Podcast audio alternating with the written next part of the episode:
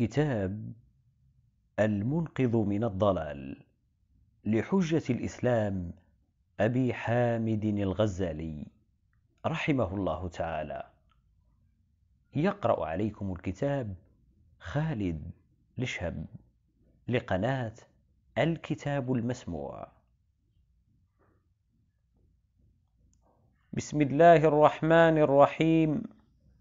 الحمد لله الذي يفتتح بحمده كل رساله ومقاله والصلاه على محمد المصطفى صاحب النبوه والرساله وعلى اله واصحابه الهادين من الضلاله اما بعد فقد سالتني ايها الاخ في الدين ان ابث اليك غايه العلوم واسرارها وغائله المذاهب واغوارها واحكي لك ما قاصيته في استخلاص الحق من بين اضطراب الفرق مع تباين المسالك والطرق وما استجرات عليه من الارتفاع عن حضيض التقليد الى يفاعل الاستبصار وما استفدته اولا من علم الكلام وما اجتويته ثانيا من طرق اهل التعليم القاصرين لدرك الحق على تقليد الامام وما ازدريته ثالثا من طرق التفلسف وما ارتضيته آخرا من طريقة التصوف ومن جلى لي في تضاعيف تفتيشي عن أقاويل الخلق من لباب الحق وما صرفني عن نشر العلم ببغداد مع كثرة الطلبة وما ردني إلى معاودتي بنيسابور بعد طول المده فابتدرت لإجابتك إلى مطلبك بعد الوقوف على صدق رغبتك وقلت مستعينا بالله ومتوكلا عليه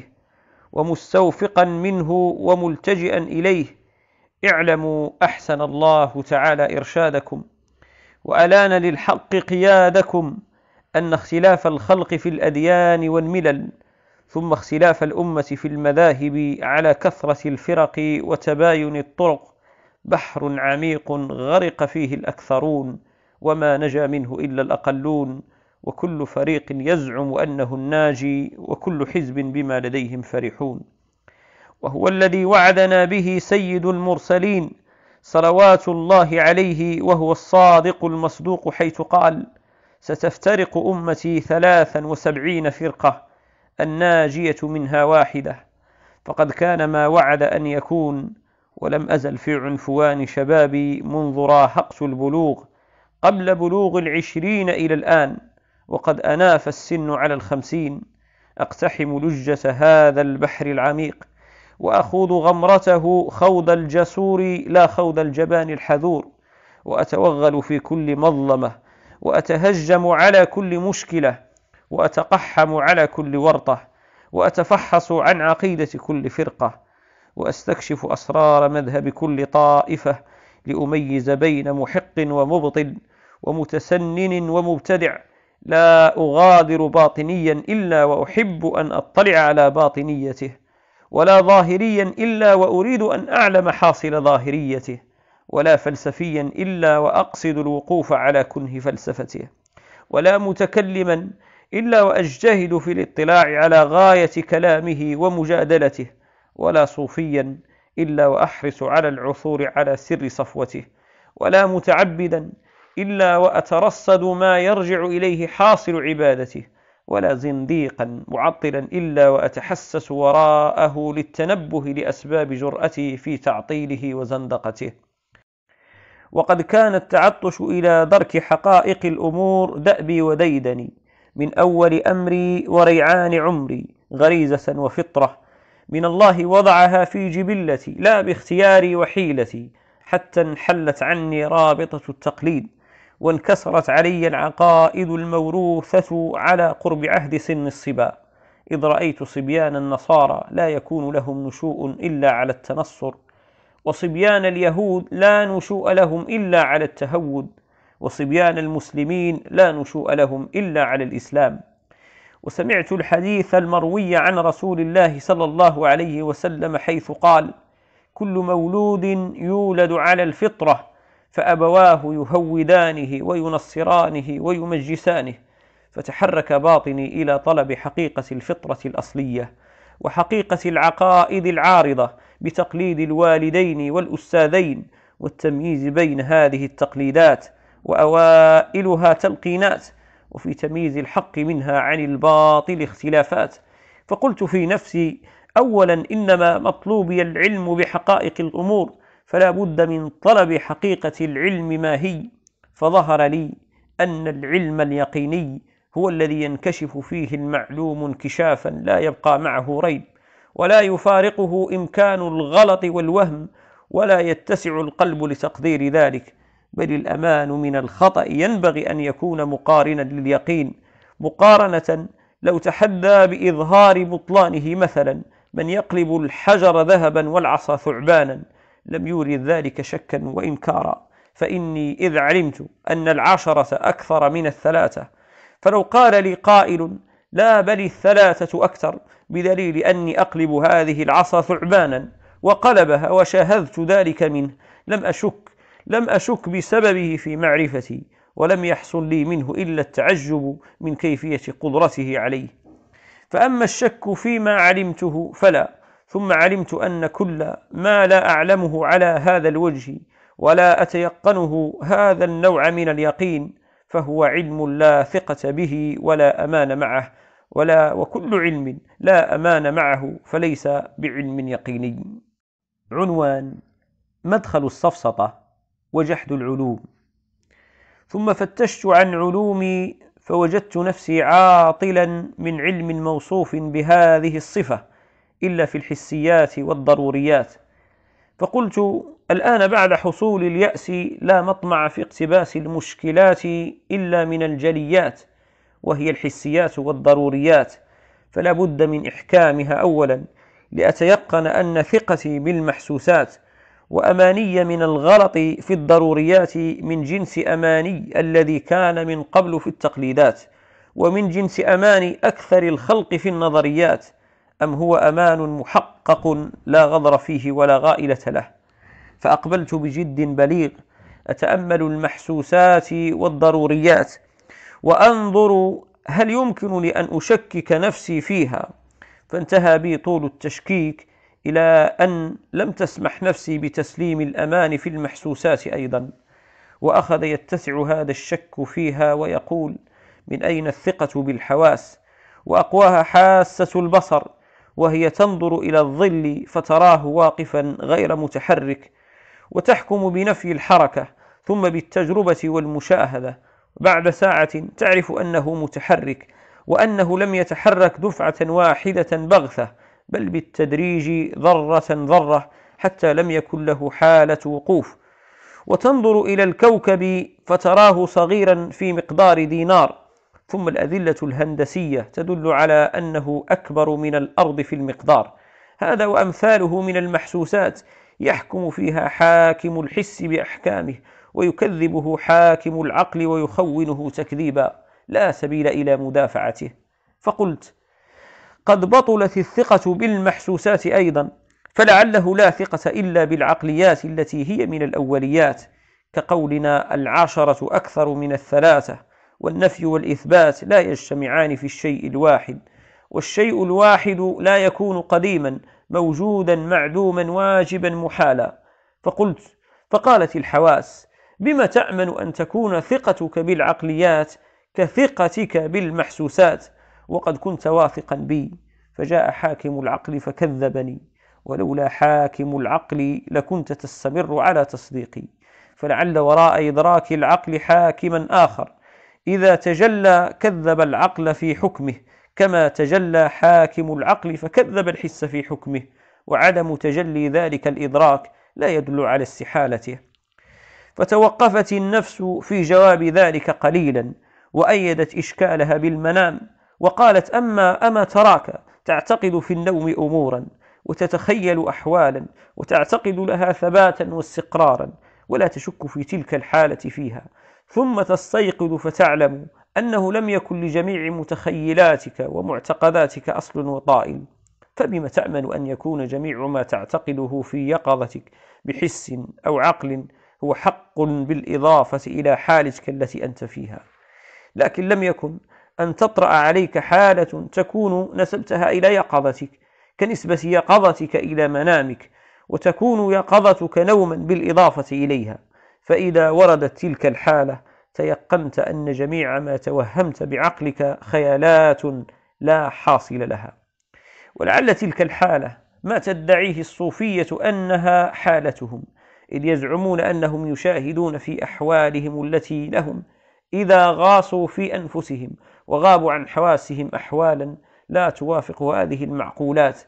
ولعل تلك الحالة هي الموت إذ قال رسول الله صلى الله عليه وسلم الناس نيام فإذا ماتوا انتبهوا فلعل الحياة الدنيا نوم بالإضافة إلى الآخرة فإذا مات ظهرت له الأشياء على خلاف ما يشاهده الآن ويقال له عند ذاك فكشفنا عنك غطاءك فبصرك اليوم حديد فلما خطر لي هذه الخواطر وانقدحت في النفس حاولت لذلك علاجا فلم يتيسر إن لم يكن دفعه إلا بالدليل ولم يكن نصب دليل إلا من تركيب العلوم الأولية فإذا لم تكن مسلمة لم يكن تركيب الدليل فأعضل الداء ودام قريبا من شهرين أنا فيهما على مذهب السفسطة بحكم الحال لا بحكم النطق والمقال حتى شفى الله تعالى من ذلك المرض وعادت النفس إلى الصحة والاعتدال ورجعت الضروريات العقلية مقبولة موثوقا بها على أمن ويقين ولم يكن ذلك بنظم دليل وترتيب كلام بل بنور قذفه الله تعالى في الصدر وذلك النور هو مفتاح أكثر المعارف فمن ظن أن الكشف موقوف على الأدلة المحررة فقد ضيق رحمة الله تعالى الواسعة ولما سئل رسول الله صلى الله عليه وسلم عن الشرح ومعناه في قوله تعالى فمن يرد الله أن يهديه فمن يرد الله أن يهديه يشرح صدره للإسلام قال صلى الله عليه وسلم هو نور يقذفه الله تعالى في القلب فقيل وما علامته يا رسول الله قال التجافي عن دار الغرور والإنابة إلى دار الخلود وهو الذي قال صلى الله عليه وسلم فيه إن الله تعالى خلق الخلق في ظلمة ثم رش عليهم من نوره فمن ذلك النور ينبغي أن يطلب الكشف وذلك النور ينبجس من الجود الإلهي في بعض الأحايين ويجب الترصد له كما قال صلى الله عليه وسلم إن لربكم في أيام دهركم نفحات ألا فتعرضوا لها والمقصود من هذه الحكايات أن يعمل كمال الجد في الطلب حتى ينتهي إلى طلب ما لا يطلب فإن الأوليات ليست مطلوبة فإنها حاضرة والحاضر إذا طلب وطلب نفر واختفى ومن طلب مالا ما لا يطلب فلا يتم بالتقصير في طلب ما يطلب عنوان أصناف الطالبين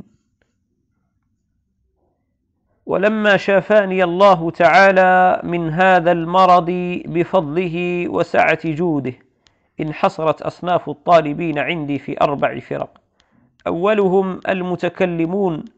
وهم يدعون أنهم أهل الرأي والنظر وثانيهم الباطنية وهم يزعمون أنهم أصحاب التعليم والمخصوصون بالاقتباس من الإمام المعصوم وثالثهم الفلاسفة وهم يزعمون أنهم أهل المنطق والبرهان ورابعهم الصوفية وهم يدعون أنهم خواص الحضرة وأهل المشاهدة والمكاشفة فقلت في نفسي الحق لا يعدو هذه الأصناف الأربعة فهؤلاء هم السالكون سبل طلب الحق فإن شذ الحق عنهم فلا يبقى في درك الحق مطمع إذ لا مطمع في الرجوع إلى التقليد بعد مفارقته إذ من شرط المقلد أن لا يعلم أنه مقلد فإذا علم ذلك انكسرت زجاجة تقليده وهو شعب لا يرأب وشعث لا يلم بالتلفيق والتأليف إلا أن يذاب بالنار ويستأنف له صنعة أخرى مستجدة فابتدرت لسلوك هذه الطرق واستقصاء ما عند هذه الفرق مبتدئا بعلم الكلام ومثنيا بطريق الفلسفة ومثلثا بتعلم الباطنية ومربعا بطريق الصوفية عنوان علم الكلام مقصوده وحاصله ثم إني ابتدأت بعلم الكلام فحصلته وعقلته وطالعت كتب المحققين منهم وصنفت فيه ما أردت أن أصنف فصادفته علما وافيا بمقصوده غير واف بمقصودي وإنما مقصوده حفظ عقيدة أهل السنة وحراستها عن تشويش أهل البدعة فقد ألقى الله تعالى إلى عباده على لسان رسوله عقيدة هي الحق على ما فيه صلاح دينهم ودنياهم كما نطق بمعرفته القرآن والأخبار ثم ألقى الشيطان في وساوس المبتدعة أمورا مخالفة للسنة فلهجوا بها وكادوا يشوشون عقيدة الحق على أهلها فأنشأ الله تعالى طائفة المتكلمين وحرك ذواعيهم لنصرة السنة بكلام مرتب يكشف عن تلبيسات أهل البدع المحدثة على خلاف السنة المأثورة فمنه نشأ علم الكلام وأهله فلقد قام طائفة منهم بما ندبهم الله تعالى إليه فأحسنوا الذب عن السنة والنضال عن العقيدة المتلقاة بالقبول من النبوة والتغيير في وجه ما أحدث من البدعة ولكنهم اعتمدوا في ذلك على مقدمات تسلموها من خصومهم واضطرهم إلى تسليمها إما التقليد أو إجماع الأمة أو مجرد القبول من القرآن والأخبار وكان أكثر خصومهم في استخراج تناقضات الخصوم وكان أكثر خوضهم في استخراج تناقضات الخصوم ومؤاخذتهم بلوازم مسلماتهم وهذا قليل النفع في حق من لا يسلم سوى الضروريات شيئا أصلا فلم يكن الكلام في حقي كافيا ولا لدائي الذي كنت أشكوه شافيا نعم لما نشأت صنعة الكلام وكثر الخوض فيه وطالت المدة تشوق المتكلمون إلى محاولة الذب عن السنة بالبحث عن حقائق الأمور إلى محاولة الذب عن السنة بالبحث عن حقائق الأمور وخاضوا في البحث عن الجواهر والأعراض وأحكامها ولكن لم يكن ذلك مقصود علمهم لم يبلغ كلامهم فيه الغاية القصوى فلم يحصل منه ما يمحو بالكلية ظلمات الحيرة في اختلافات الحق ولا أبعد أن يكون قد حصل ذلك لغيري بل لست أشك في حصول ذلك لطائفة ولكن حصولا مشوبا بالتقليد في بعض الأمور التي ليست من الأولويات والغرض الآن حكاية حالي لا الإنكار على من استشفى به فإن أدوية الشفاء تختلف باختلاف الداء وكم من دواء ينتفع به ينتفع به مريض ويستضر به آخر عنوان الفلسفة أحاصيلها ما يذم منها وما لا يذم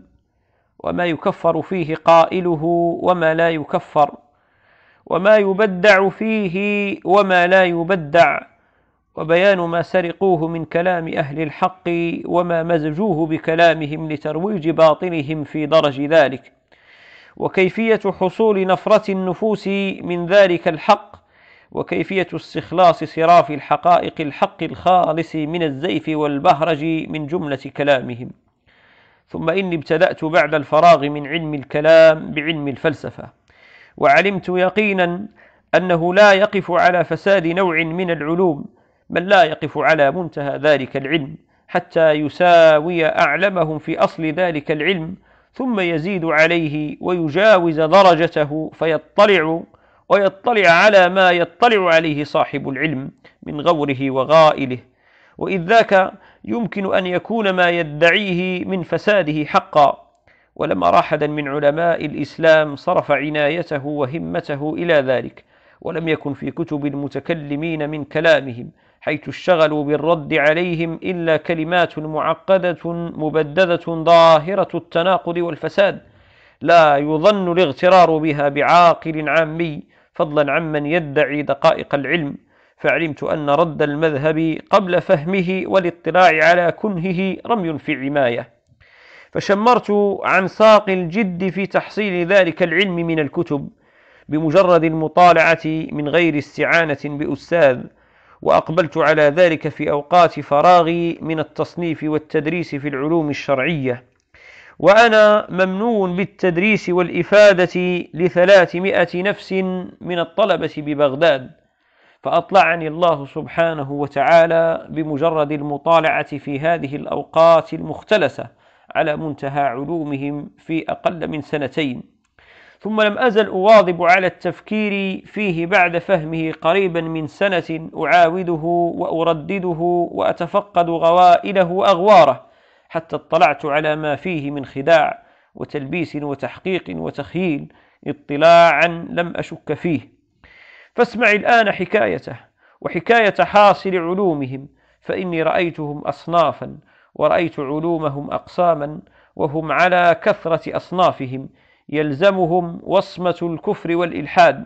وإن كان بين القدماء منهم والأقدمين وبين الأواخر منهم والأوائل تفاوت عظيم في البعد عن الحق والقرب منه. عنوان أصناف الفلسفة وشمول وصمة الكفر كافتهم. اعلم أنهم على كثرة فرقهم واختلاف مذاهبهم ينقسمون إلى ثلاثة أقسام. الدهريون والطبيعيون والإلهيون الصنف الأول الدهريون وهم طائفة من الأقدمين جحدوا الصانع المدبر العالم القادر وزعموا أن العالم لم يزل موجودا كذلك بنفسه وبلا صانع ولم يزل الحيوان من النطفة والنطفة من الحيوان كذلك كان وكذلك يكون أبدا وهؤلاء هم الزنادقة والصنف الثاني الطبيعيون وهم قوم أكثر بحثهم عن عالم الطبيعة وعن عجائب الحيوان والنبات وأكثر الخوض في علم تشريح أعضاء الحيوانات فرأوا فيها من عجائب صنع الله تعالى وبدائع حكمته مما اضطروا معه إلى الاعتراف بفاطر حكيم مطلع على غايات الأمور ومقاصدها ولا يطالع التشريح وعجائب منافع الأعضاء مطالع إلا ويحصل له هذا العلم الضروري بكلام تدبير الباني لبنية الحيوان لا سيما بنية الإنسان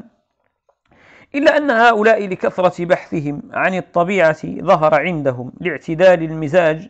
تأثير عظيم في قوام قوى الحيوان به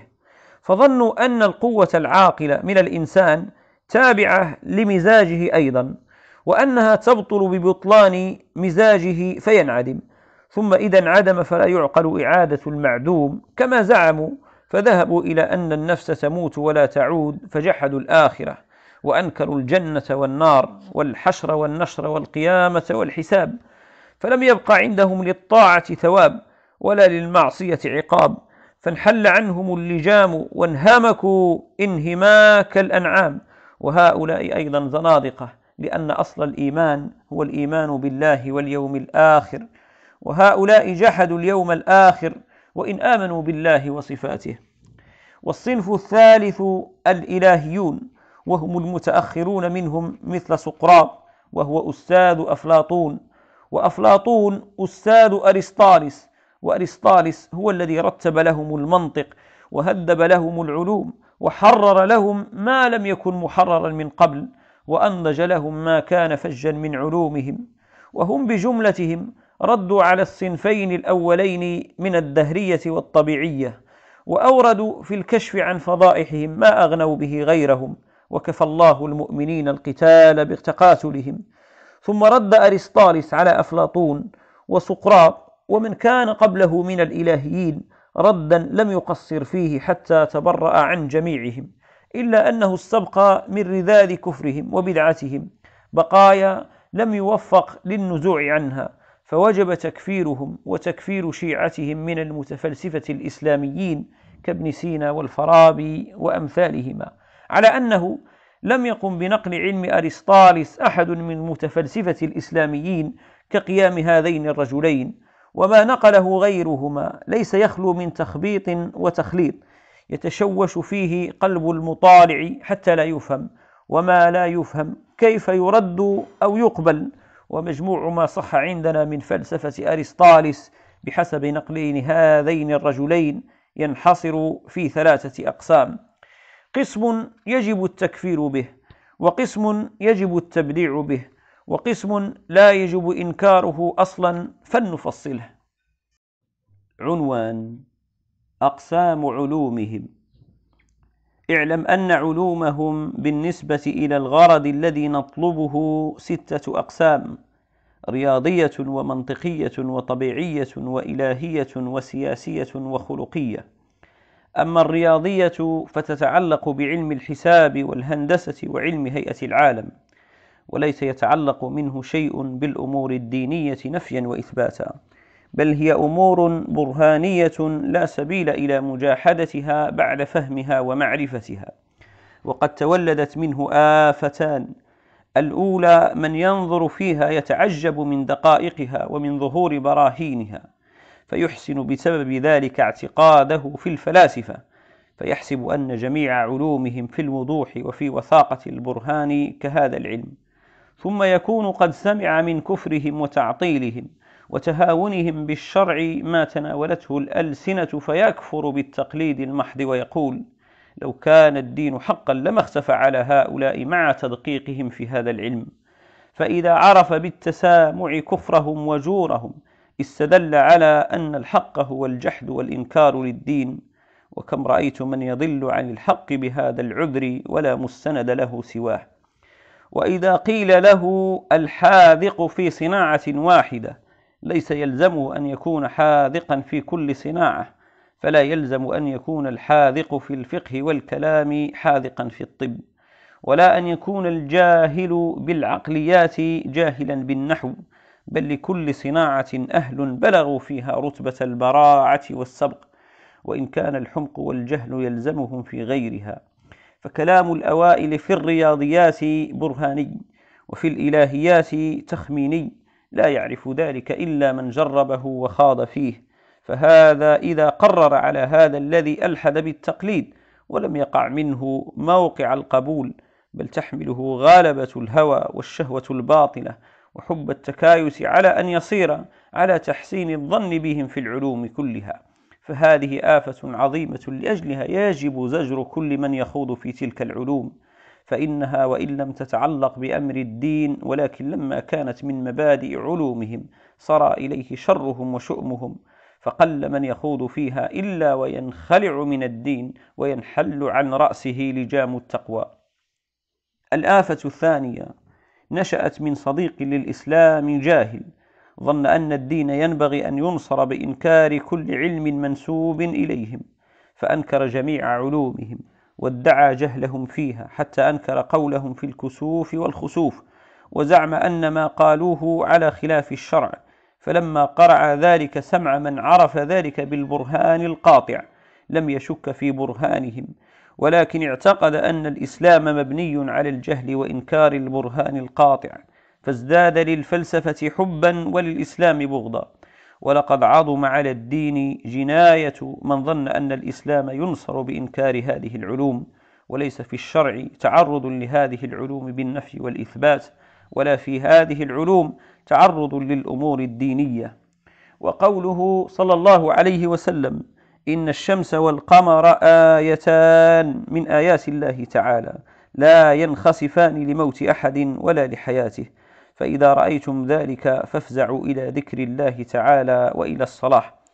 وليس في هذا ما يوجب إنكار علم الحساب المعرف بمسير الشمس والقمر واجتماعهما أو مقابلتهما على وجه مخصوص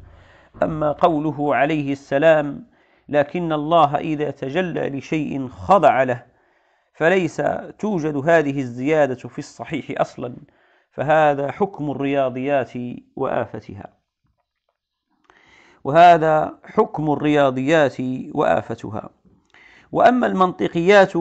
فلا يتعلق شيء بالدين نفيا وإثباتا بل هي النظر في طرق الأدلة والمقاييس وشروط مقدمات البرهان بل هي النظر في طرق الأدلة والمقاييس وشروط مقدمات البرهان وكيفية تركيبها وشروط الحد الصحيح وكيفية ترتيبه وأن العلم إما تصور وسبيل معرفته الحد وأن العلم إما تصور وسبيل معرفته الحد وإما تصديق وسبيل معرفته البرهان وليس في هذا ما ينبغي أن ينكر بل هو من جنس ما ذكره المتكلمون وأهل النظر في الأدلة وإنما يفارقونهم بالعبارات والاصطلاحات وبزيادة الاستقصاء في التعريفات والتشعيبات ومثال كلامهم فيها قولهم إذا ثبت أن كل ألف باء لزم أن بعد باء ألف أي إذا ثبت أن كل إنسان حيوان لزم أن بعد الحيوان إنسان ويعبرون عن هذا بأن الموجبة الكلية تنعكس موجبة جزئية وأي تعلق لهذا بمهمات الدين حتى يجحد وينكر وأي تعلق لهذا بمهمات الدين حتى يجحد أو يجحد وينكر فإذا أنكر لم يحصل من إنكاره عند أهل المنطق إلا سوء الاعتقاد في عقل المنكر بل في دينه الذي يزعم أنه موقوف على مثل هذا الإنكار نعم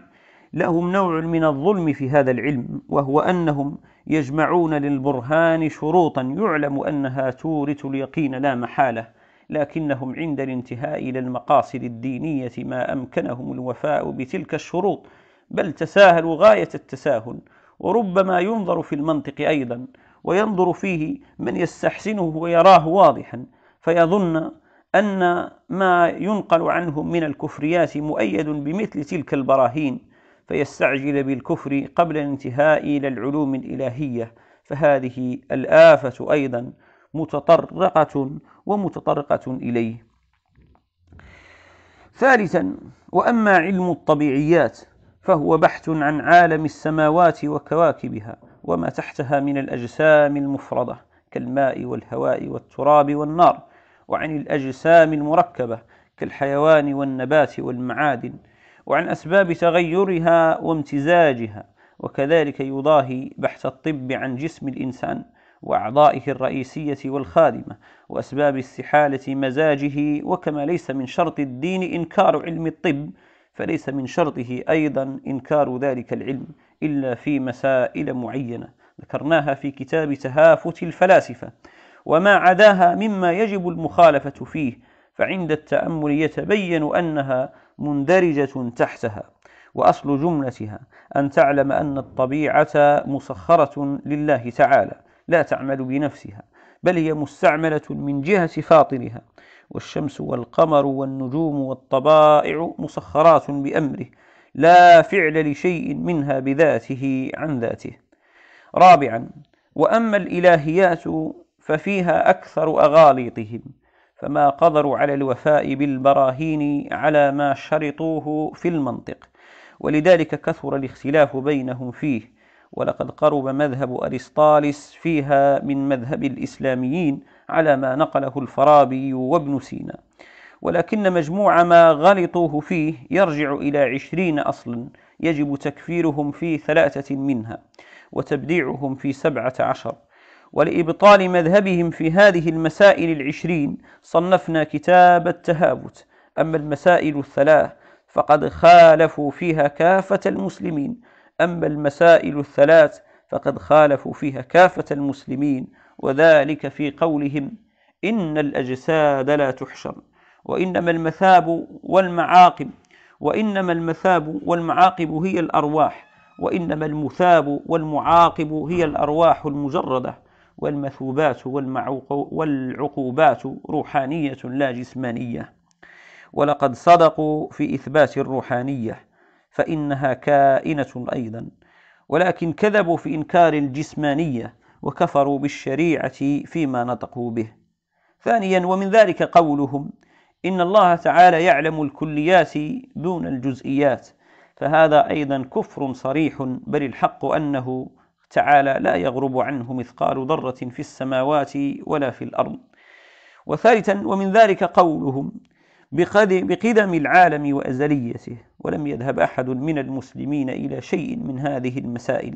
وأما ما وراء ذلك من نفيهم الصفات وقولهم إنه عليم بالذات وأما ما وراء ذلك من نفيهم الصفات وقولهم إنه عليم بالذات لا بعلم زائد عن الذات وما يجري مجراه فمذهبهم فيها قريب من مذهب المعتزله ولا يجب تكفير المعتزلة بمثل ذلك وقد ذكرنا في كتاب فيصل التفرقة بين الإسلام والزندقة ما يتبين به فساد رأي من يتسارع إلى التكفير في كل ما يخالف مذهبه خامسا وأما السياسيات فجميع كلامهم فيها يرجع إلى الحكم المصلحية المتعلقة بالأمور الدنيوية والإيالة السلطانية وإنما أخذوها من كتب الله المنزلة على الأنبياء ومن الحكم المأثورة عن سلف الأنبياء عليهم السلام سادسا وأما الخلقية فجميع كلامهم فيها يرجع إلى حصر صفات النفس وأخلاقها وذكر أجناسها وأنواعها وكيفية معالجتها ومجاهدتها وإنما أخذوها من كلام الصوفية وهم المتألهون المواظبون على ذكر الله تعالى وعلى مخالفة الهوى وسلوك الطريق إلى الله تعالى بالإعراض عن ملاذ الدنيا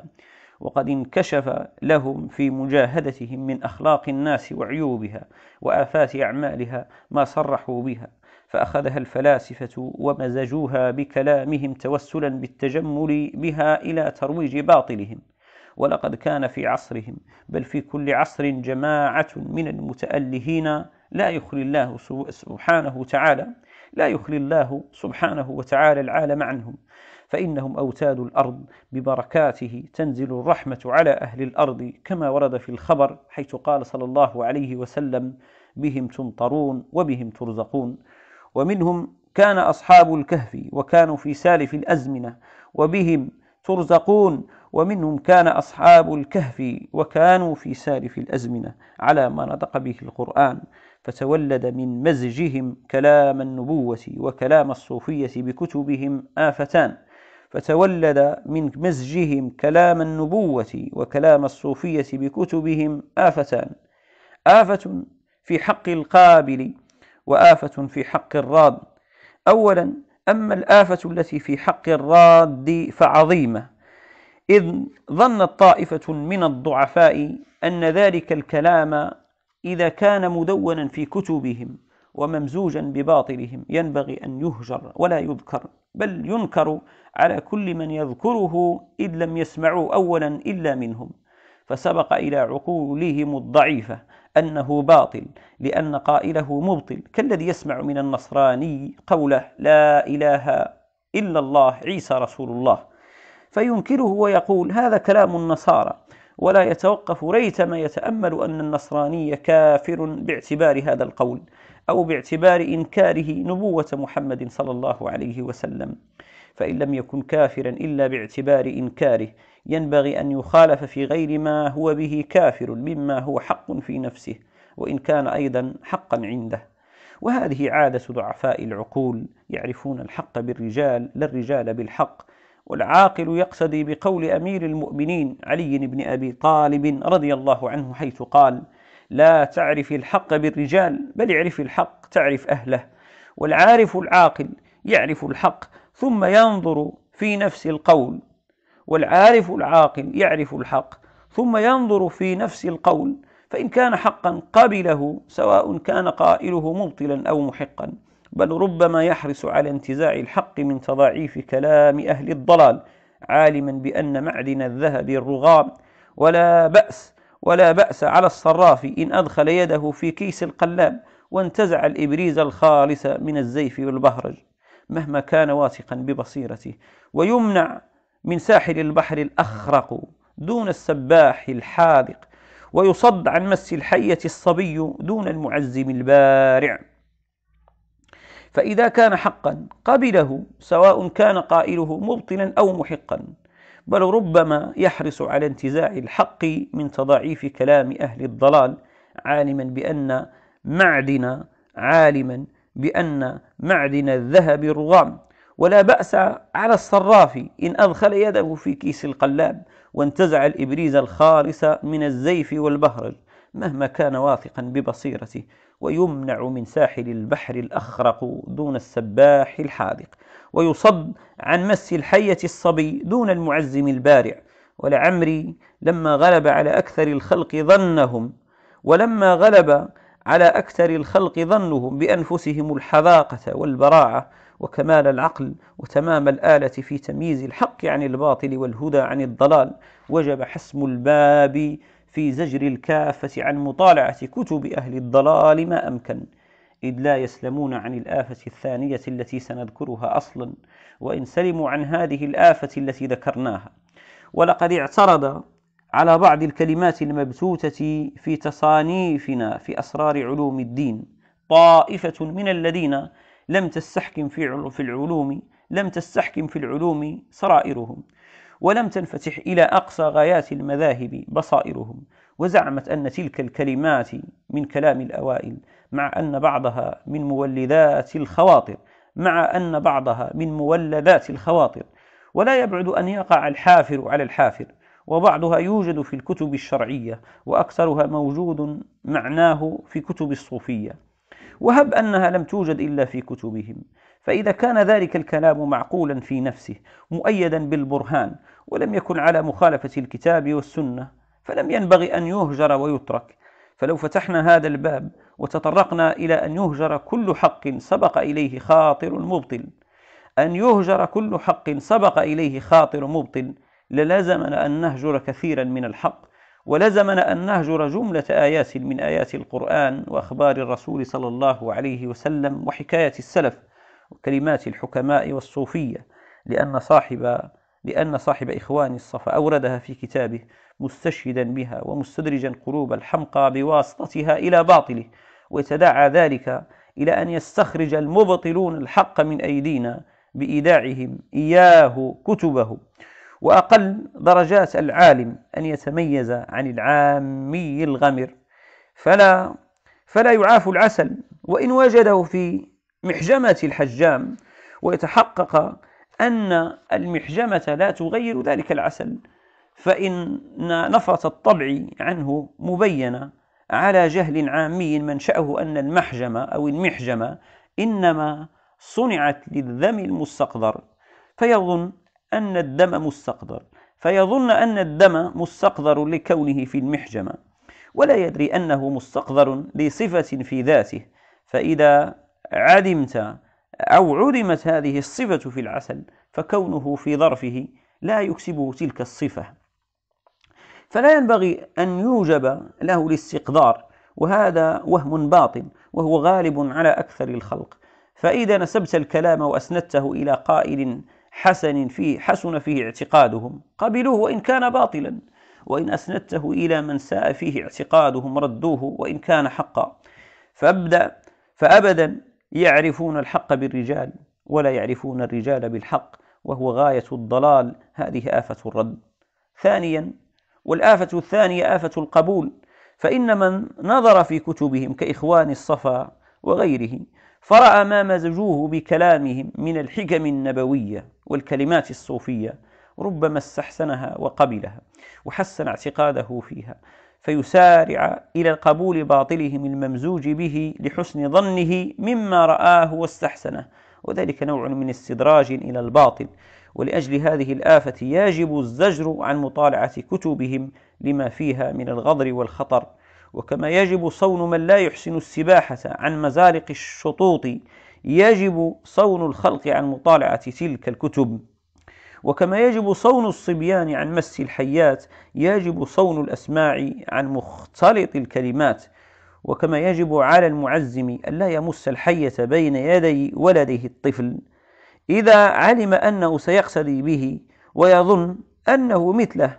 ويظن أنه مثله بل يجب عليه أن يحذره منه بأن يحذره نفسه أو هو في نفسه ولا يمسها بين يديه فكذلك يجب على العالم الراخص أو الراسخ عفوا مثله وكما أن المعزم الحاذق إذا أخذ الحية وميز بين الترياق والسم واستخرج منها الترياق وأبطل السم فليس له أن يشح بالترياق على المحتاج إليه وكذلك الصراف الناقد البصير إذا أدخل يده في كيس القلاب وأخرج منه الإبريز الخالص وطرح الزيف والبهرج فليس له أن يشح بالجيد المرضي على من يحتاج إليه فكذلك العالم وكما أن المحتاج إلى الترياق إذا اشمأزت نفسه منه حيث علم أنه مستخرج من الحية التي هي مركز السم وجب تعريفه والفقير المضطر إلى المال إذا نفر عن قبول الذهب المستخرج من كيس القلاب وجب تنبيهه على أن نفرته جهل محض هو سبب حرمانه الفائدة التي هي مطلبه وتحتم تعريفه أن قرب الجوار بين الزيف والجيد لا يجعل الجيد زيفا كما لا يجعل الزيف جيدا فكذلك قرب الجوار بين الحق والباطل لا يجعل الحق باطلا كما لا يجعل الباطل حقا فهذا مقدار ما أردنا ذكره من آفة الفلسفة وغائلتها عنوان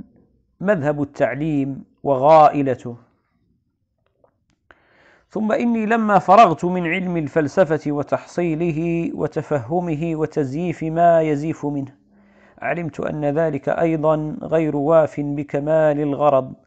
وأن العقل ليس مستقلا بالإحاطة بجميع المطالب ولا كاشفا للغطاء عن جميع المعضلات وكان قد نبغت نابغة التعليمية وشاع بين الخلق تحدثهم بمعرفة معنى الأمور من جهة الإمام المعصوم القائم بالحق فعن لي أن أبحث في مقالاتهم لأطلع على ما في كنانتهم ثم اتفق أن ورد علي أمر جازم من حضرة الخلافة بتصنيف كتاب يكشف عن حقيقة مذهبهم فلم يسعني مدافعته وصار ذلك مستحثا من خارج ضميمة للباعث من الباطن فابتدأت بطلب كتبهم وجمع مقالاتهم وكان قد بلغني بعض كلماتهم المستحدثة التي ولدتها خواطر أهل العصر لا على المنهاج المعهود من سلفهم فجمعت تلك الكلمات ورتبتها ترتيبا محكما مقارنا للتحقيق واستوفيت الجواب عنها حتى أنكر بعض أهل الحق مبالغتي في تقرير حجتهم فقال هذا سعي لهم فإنهم كانوا يعجزون عن نصرة مذهبهم بمثل هذه الشبهات لولا تحقيقك لها وترتيبك إياها وهذا الإنكار من وجه حق فقد أنكر أحمد بن حنبل على الحارث المحاسبي رحمهم الله تعالى تصنيفه في الرد على المعتزلة فقال الحارث الرد على البدعة فرض فقال أحمد نعم ولكن حكيت شبهتهم أولا ثم أجبت عنها ففيما تأمن أن يطالع الشبهة من يعلق ذلك بفهمه ولا يلتفت إلى الجواب أو ينظر في الجواب ولا يفهم كنهه وما ذكره أحمد بن حنبل حق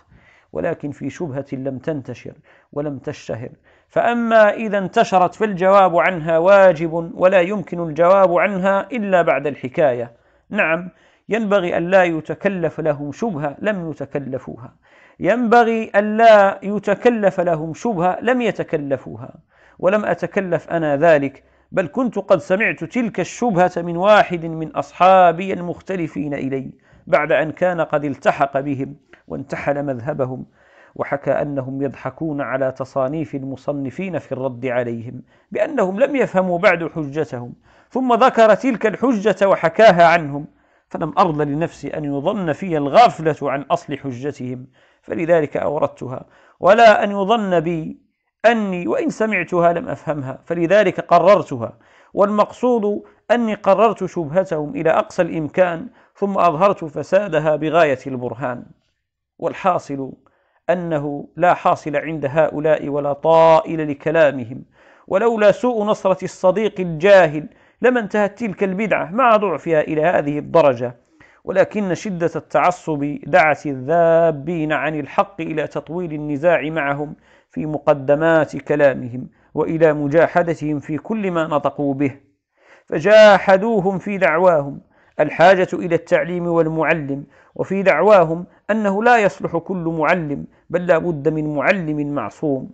وظهرت حجتهم في إظهار الحاجة إلى التعليم والمعلم وضعف قول المنكرين في مقابلتهم فاغتر بذلك جماعة وظنوا أن ذلك من قوة مذهبهم وضعف مذهب المخالفين ولم يفهموا أن ذلك لضعف ناصر الحق وجهله بطريقه بل الصواب الاعتراف بالحاجة إلى المعلم وأنه لا بد وأن يكون المعلم معصوما ولكن معلمنا المعصوم هو محمد صلى الله عليه وسلم فإذا قالوا هو ميت فنقول ومعلمكم غائب فإذا قالوا معلمنا قد علم الدعاة وبثهم في البلاد وهو ينتظر مراجعتهم إن اختلفوا أو أشكل عليهم مشكل فنقول ومعلمنا قد علم الدعاة وبثهم في البلاد وأكمل التعليم إذ قال الله تعالى اليوم أكملت لكم دينكم وأثممت عليكم نعمتي وبعد كمال التعليم لا يضر موت المعلم كما لا يضر غيبته فبقي قولهم وبعد كمال التعليم لا يضر موت المعلم كما لا يضر غيبته فبقي قولهم كيف تحكمون فيما لم تسمعوه النص ولم تسمعوه أم بالاجتهاد والرأي وهو مظنة الخلاف فنقول نفعل ما فعله معاذ إذ بعثه رسول الله نفعل ما فعله معاذ إذ بعثه رسول الله صلى الله عليه وسلم إلى اليمن أن نحكم بالنص عند وجود النص وبالاجتهاد عند عدمه بل كما يفعله دعاتهم إذا بعدوا عن الإمام إلى أقاصي البلاد إذ لا يمكنه أن يحكم بالنص أو أن يحكم به فإن النصوص المتناهية لا تستوعب الوقائع غير المتناهية فإن النصوص المتناهية لا تستوعب الوقائع الغير المتناهية ولا يمكنه الرجوع في كل واقعة إلى بلدة الإمام وأن يقطع المسافة ويرجع فيكون المستفتي قد مات وأن يقطع المسافة ويرجع فيكون المستفتي قد مات وفات الانتفاع بالرجوع فمن أشكلت عليه القبلة ليس له طريق إلا أن يصلي بالاجتهاد إذ لو سافر إلى بلدة الإمام لمعرفة القبلة فيفوت وقت الصلاة فإذا انجازت الصلاة إلى غير القبلة بناء على الظن ويقال إن المخطئ في الاجتهاد له أجر واحد وللمصيب أجران فكذلك في جميع المجتهدات وكذلك أمر صرف الزكاة إلى الفقير فربما يظنه فقيرا باجتهاده ولو غني باطنا بإخفائه ما له فلا يكون مؤاخذا به وإن أخطأ لأنه لم يؤاخذ إلا بموجب ظنه فإن قال ظن مخالفه كظنه فأقول هو مأمور باتباع ظن نفسه كالمجتهد في القبلة يتبع ظنه وإن خالفه غيره فإن قال فالمقلد يتبع أبو أبا حنيفة والشافعي رحمهم الله تعالى أم غيرهما فالمقلد يتبع أبي حنيفة فالمتبع يتبع أبي حنيفة والشافعي رحمه الله أم غيرهما فأقول فالمقلد في القبلة عند الاشتباه إذا اختلف عليه المجتهدون فكيف يصنع فسيقول له مع نفسه اجتهاد في معرفة الأفضل الأعم بدلائل القبلة فيتبع ذلك الاجتهاد فكذلك في المذاهب فرد الخلق إلى الاجتهاد فرد الخلق إلى الاجتهاد وردهم ضرورة ضرورة الأنبياء والأئمة مع العلم بأنهم قد يخطئون بل قد قال رسول الله صلى الله عليه وسلم أنا أحكم بالظاهر والله يتولى السرائر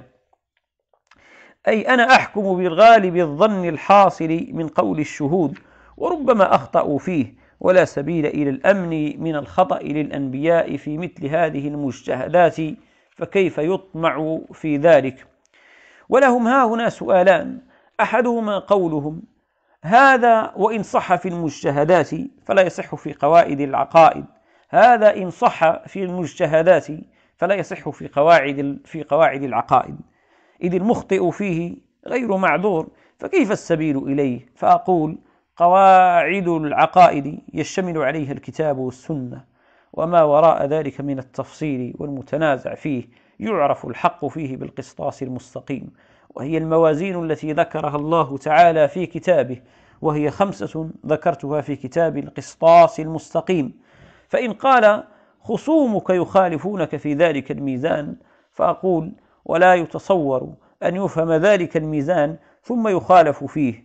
إذ لا يخالف فيه أهل التعليم لأني استخرجته من القرآن وتعلمته منه ولا يخالف فيه أهل المنطق لأنه موافق لما شرطوه في المنطق وغير مخالف له ولا يخالف فيه المتكلم لأنه موافق لما يذكره في أدلة النظريات وبه يعرف الحق في الكلاميات أو به يعرف الحق في الكلاميات فإن قال فإن كان في يدك مثل هذا الميزان فلما لا ترفع الخلاف بين الخلق فأقول لو أصغوا إلي لرفعت الخلاف بينهم وذكرت طريقة رفع الخلاف في كتاب القسطاس المستقيم فتأمله لتعلم أنه حق وأنه يرفع الخلاف قطعا لو أصغوا إلي ولا يصغون إلي بأجمعهم بل قد أصغى إلي طائفة فرفعت الخلاف بينهم وإمامك يريد رفع الخلاف بينهم مع عدم إصغائهم فلم يرفع إلى الآن ولما لم يرفع علي رضي الله عنه وهو رأس الأئمة أو يدعي أنه يقدر على حمل كافتهم على الإصغاء قهرا فلما لم يحملهم إلى الآن ولأي يوم أجله وهل حصل بين الخلق بسبب دعوته إلا زيادة خلاف وزيادة مخالف نعم كان يخشى من الخلاف نوع الضرر لا ينتهي إلى سفك الدماء وتخريب البلاد وإيتام الأولاد وقطع الطرق والإغارة على الأموال وقد حدث في العالم من بركات رفعكم الخلاف من الخلاف ما لم يكن بمثل عهده وقد حدث في العالم من بركات رفعكم الخلاف من الخلاف ما لم يكن بمثل عهده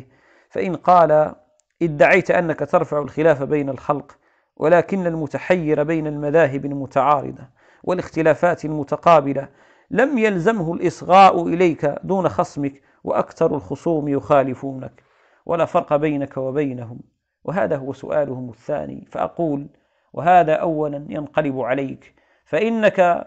إذ دعوت أو إذا دعوت هذا المتحير إلى نفسك فيقول المتحير بما صرت أولى من مخالفيك وأكثر أهل العلم يخالفونك فليت شعري بماذا تجيب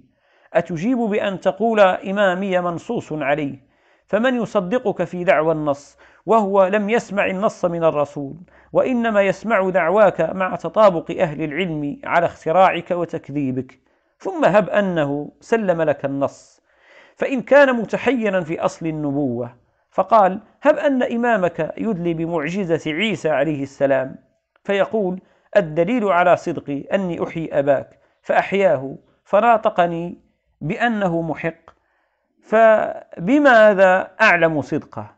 ولم يعلم كافة الخلق صدق عيسى عليه السلام بهذه المعجزة بل عليه من الأسئلة المشكلة ما لا يدفع إلا بتدقيق النظر العقلي والنظر العقلي لا يوثق به عندك ولا يعرف دلالة المعجزة على الصدق ما لم يعرف السحر والتمييز بينه وبين المعجزة وما لم يعرف أن الله لا يضل عباده وسؤال الإضلال وعسر تحرير الجواب عنه مشهور فبماذا تدفع جميع ذلك ولم يكن إمامك أولى بالمتابعة من مخالفه فيرجع إلى الأدلة النظرية التي ينكرها وخصمه يدلي بمثل تلك الأدلة وأوضح منها وهذا السؤال قد انقلب عليهم انقلابا عظيما لو اجتمع أولهم وآخرهم لو اجتمع أولهم وآخرهم على أن يجيبوا عنه جوابا لم يقدروا عليه وإنما نشأ الفساد من جماعة الضعفة ناظروهم فلم يشتغلوا بالقلب بل بالجواب وذلك مما يطول فيه الكلام وما لا يسبق سريعا إلى الأفهام فلا يصلح للإفهام فإن قال قائل فهذا هو القلب فهل عنه جواب فأقول نعم جوابه أن المتحير لو قال أنا متحير ولم يعين المسألة التي هو متحير فيها يقال له أنت كمريض يقول أنا مريض ولا يعين مرضه ويطلب علاجه فيقال له ليس في الوجود علاج للمرض المطلق بل لمرض معين من صداع أو إسهال أو غيرهما فكذلك المتحير ينبغي أن يعير ما هو متحير فيه فإن عين المسألة عرفته وعرفته الحق فيها بالوزن بالموازين الخمسة التي لا يفهمها أحد إلا ويعترف بأنه التي لا يعلمها أحد إلا ويعترف بأنه الميزان الحق ويفهم منه أيضا صحة الوزن كما يفهم أو كما يفهم متعلم علم الحساب نفس الحساب وكون المحاسب المعلم عالما بالحساب وصادقا فيه وقد أوضحت ذلك في كتاب القسطاس المستقيم في مقدار عشرين ورقة فليتأمل وليس المقصود الآن بيان فساد مذهبهم فقد ذكرت ذلك في كتاب المستظهر أولا وفي كتاب حجة الحق ثانيا وهو جواب كلام لهم عرض علي أو عرض علي ببغداد وفي كتاب مفصل الخلاف الذي هو 12 فصلا ثالثا وهو جواب كلام عرض علي بهمذان وفي كتاب الدرجة المرقوم بالجداول رابعا وفي كتاب الدرجة المرقوم بالجداول رابعا وهو من ركيك كلامهم والذي عرض علي بطوس وفي كتاب القسطاس المستقيم خامسا وهو كتاب مستقل مقصوده بيان ميزان العلوم وإظهار الاستغناء عن الإمام المعصوم لمن أحاط به بل المقصود أن هؤلاء ليس معهم شيء من الشفاء المنجي ليس معهم شيء من الشفاء المنجي من ظلمات الآراء بل هم مع عجزهم عن إقامة البرهان على تعيين الإمام طالما جربناهم فصدقناهم في الحاجة إلى التعليم وإلى المعلم المعصوم وعرضنا عليهم إشكالات فلم يفهموها فضلا عن القيام بحلها فلما عجزوا أحالوا على الإمام الغائب وقالوا إنه لابد من السفر إليه والعجب أنهم ضيعوا عمرهم في طلب المعلم وفي التبجح بالظفر به ولم يتعلموا منه شيئا أصلا كالمتضمخ بالنجاسة يتعب في طلب الماء حتى إذا وجده لم يستعمله وبقي متضمخا بالخبائث ومنهم من ادعى شيئا من علمهم فكان حاصل ما ذكره شيئا من ركيك فلسفة فيتاغورس وهو رجل من قدماء الأوائل ومذهبه أرك, أرك مذاهب الفلسفة وقد رد عليه أرسطاليس بل استرك كلامه واسترذله وهو المحكي في كتاب إخوان الصفا وهو على التحقيق حشو الفلسفة فالعجب ممن يتعب طول العمر في تحصيل العلم ثم يقنع بمثل ذلك العلم الركيك المستغث ويظن بأنه يظفر بأقصى مقاصد العلوم فهؤلاء أيضا جربناهم وصبرنا ظاهرهم وباطلهم فرجع حاصلهم إلى استدراج العوام وضعفاء العقول ببيان الحاجة إلى المعلم ومجادلتهم ومجادلتهم في إنكارهم الحاجة إلى التعليم بكلام قوي مفحم حتى إذا ساعدهم على الحاجة إلى المعلم مساعد وقال هات علمه وأفدنا من تعليمه وقف وقال الآن إذا سلمت لي هذا فاطلبه فإنما غرضي هذا القدر فقط إذ علم أنه لو زاد على ذلك لافتضح ولعجز عن حل أدنى الإشكالات بل عجز عن فهمه فضلا عن جوابه فهذه حقيقة حالهم فأخبرهم تقلهم فلما جربناهم نفضنا اليد عنهم أيضا عنوان طرق الصوفية ثم إني لما فرغت من هذه العلوم أقبلت بهمتي على طريق الصوفية وعلمت أن طريقتهم إنما تتم بعلم وعمل وكان حاصل علومهم قطع عقبات النفس والتنزه عن اخلاقها المذمومه وصفاتها الخبيثه حتى يتوصل بها الى تخليه القلب عن غير الله تعالى وتحليته بذكر الله وكان العلم ايسر علي من العمل فابتدات بتحصيل علمهم من مطالعه كتبهم مثل قوت القلوب لابي طالب المكي رحمه الله تعالى وكتب الحارث المحاسبي والمتفرقات المأثورة عن الجنيد والشبلي وأبي يزيد البسطامي قدس الله أرواحهم وغيرهم من المشايخ حتى اطلعت على كنه مقاصدهم العلمية وحصلت ما يمكن أن يحصل من طريقهم بالتعلم والسماع فظهر لي أن أخص خواصهم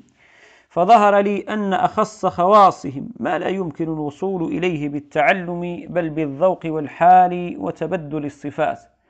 وكم من الفرق أن تعلم حد الصحة وحد الشبع وأسبابهما وشروطهما وبين أن تكون صحيحا وشبعان وبين أن تعرف حد السكر وأنه عبارة عن حالة تحصل من استيلاء أبخرة تتصاعد من المعدة على معادن الفكر وبين أن تكون سكران بل السكران لا يعرف حد السكر وعلمه وهو سكران وما معه من علمه شيء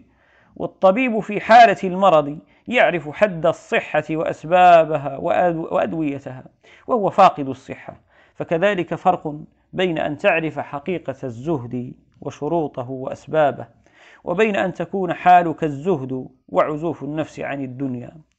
فعلمت يقينا أنهم أرباب الأحوال لا أصحاب الأقوال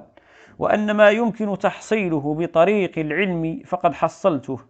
ولم يبق إلا ما لا سبيل إليه بالسماع والتعلم بل بالذوق والسلوك وقد كان حصل معي من العلوم التي مارستها والمسالك التي سلكتها في التفتيش عن صنفي العلوم الشرعية والعقلية إيمان يقيني بالله تعالى وبالنبوة وباليوم الآخر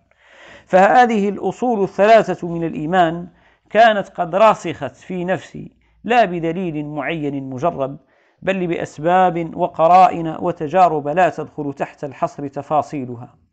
وكان قد ظهر عندي أنه لا مطمع لي في سعادة الآخرة إلا بالتقوى وكف النفس عن الهوى وأن رأس ذلك كله قطع علاقة القلب عن الدنيا بالتجافي عن دار الغرور والإنابة عن دار الخلود والإقبال بكنه الهمة على الله تعالى والإقبال بكنه الهمة على الله تعالى وأن ذلك لا يتم إلا بالإعراض عن الجاه والمال والهرب من الشواغل والعلائق ثم لاحظت أحوالي فإذا أنا منغمس في العلائق وقد أحدقت بي من الجوانب ولاحظت أعمالي وأحسنها التدريس والتعليم فإذا أنا فيها مقبل على علوم غير مهمة ولا نافعة في طريق الآخرة ثم فكرت في نيتي في التدريس فإذا هي غير خالصة لوجه الله تعالى بل باعثها ومحركها طلب الجاه وانتشار الصيت فتيقنت اني على شفا جرف هار واني قد اشفيت على النار ان لم اشتغل بتلافي الاحوال فلم ازل اتفكر فيه مده وانا بعد على مقام الاختيار اصمم العزم على الخروج من بغداد ومفارقه تلك الاحوال يوما واحل العزم يوما واقدم فيه رجلا واؤخر عنه اخرى لا تصدق لي رغبة في طلب الآخرة بكرة أو بكرة إلا ويحمل علي جند الشهوة حملة فيفترها عشية فصارت شهوات الدنيا تجاذبني بسلاسلها إلى المقام ومنادي الإيمان ينادي الرحيل الرحيل فلم يبق من العمر إلا القليل وبين يديك السفر الطويل وجميع ما أنت فيه من العلم والعمل رياء وتخييل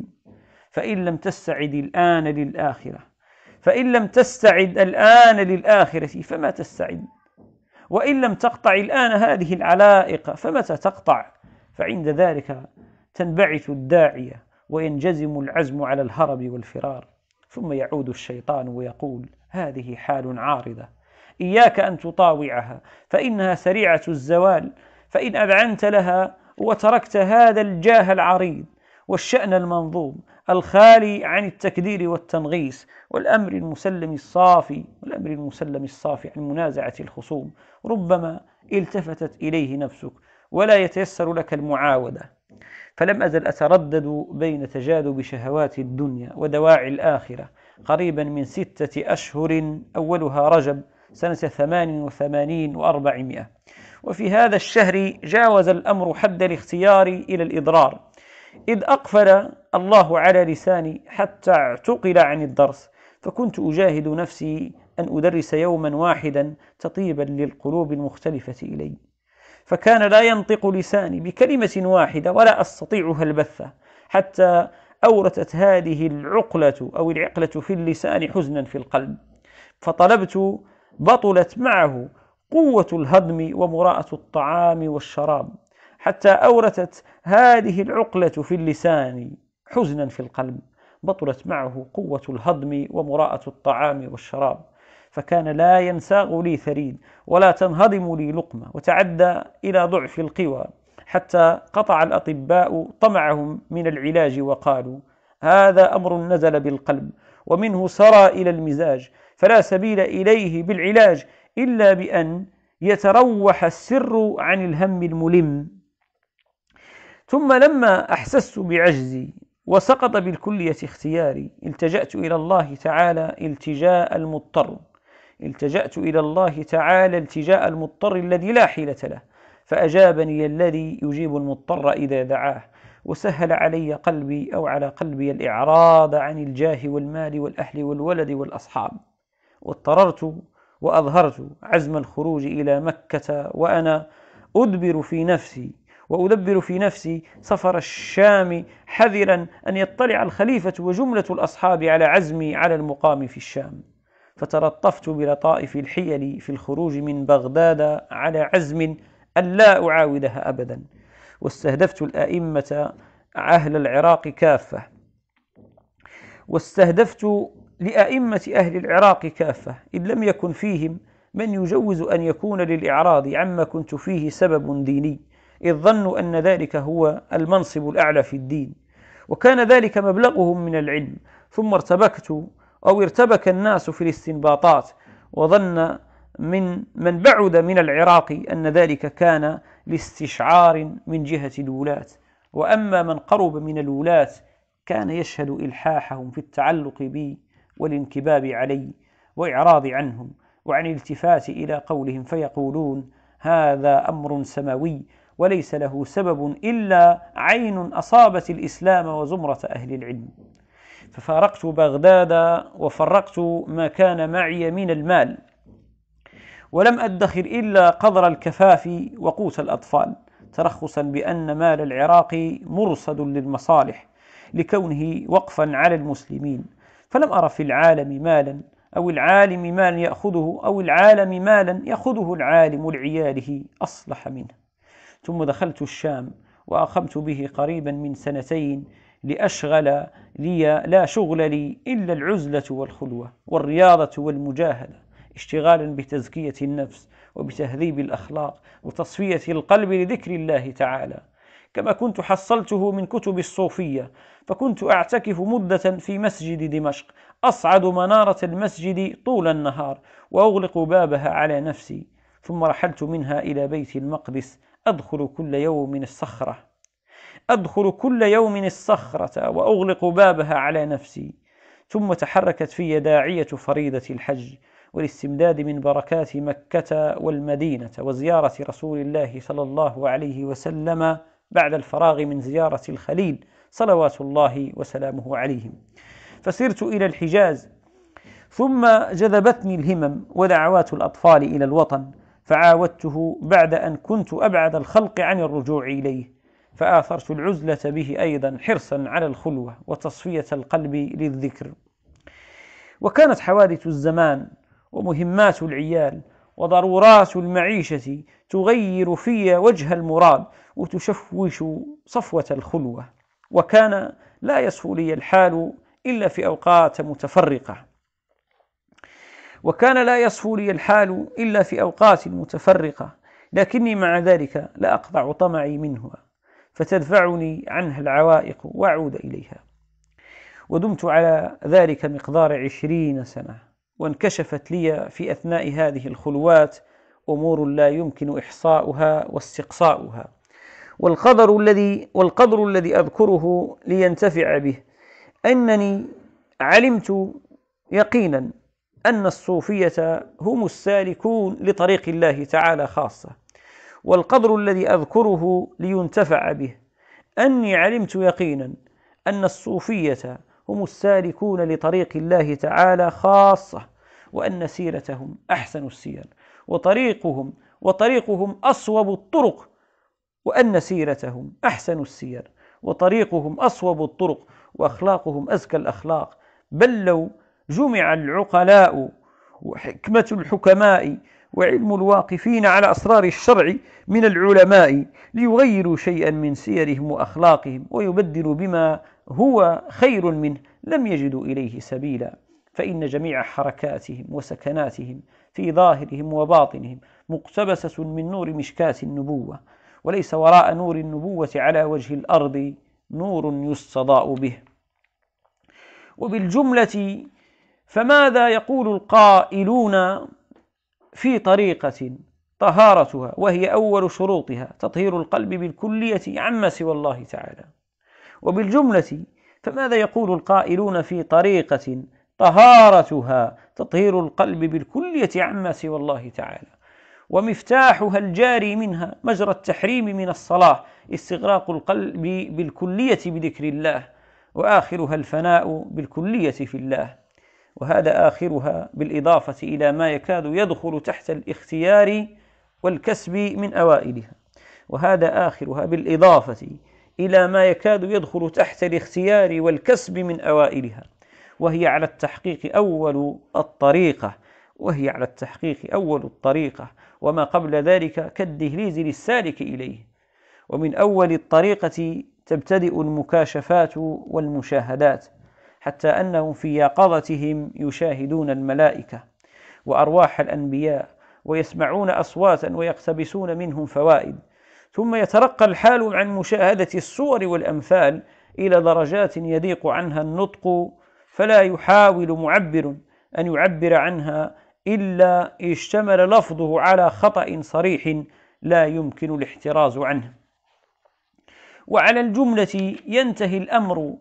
إلى قرب يكاد يتخيل منه أو يتخيل منه طائفة الحلول وطائفة الاتحاد وطائفة الوصول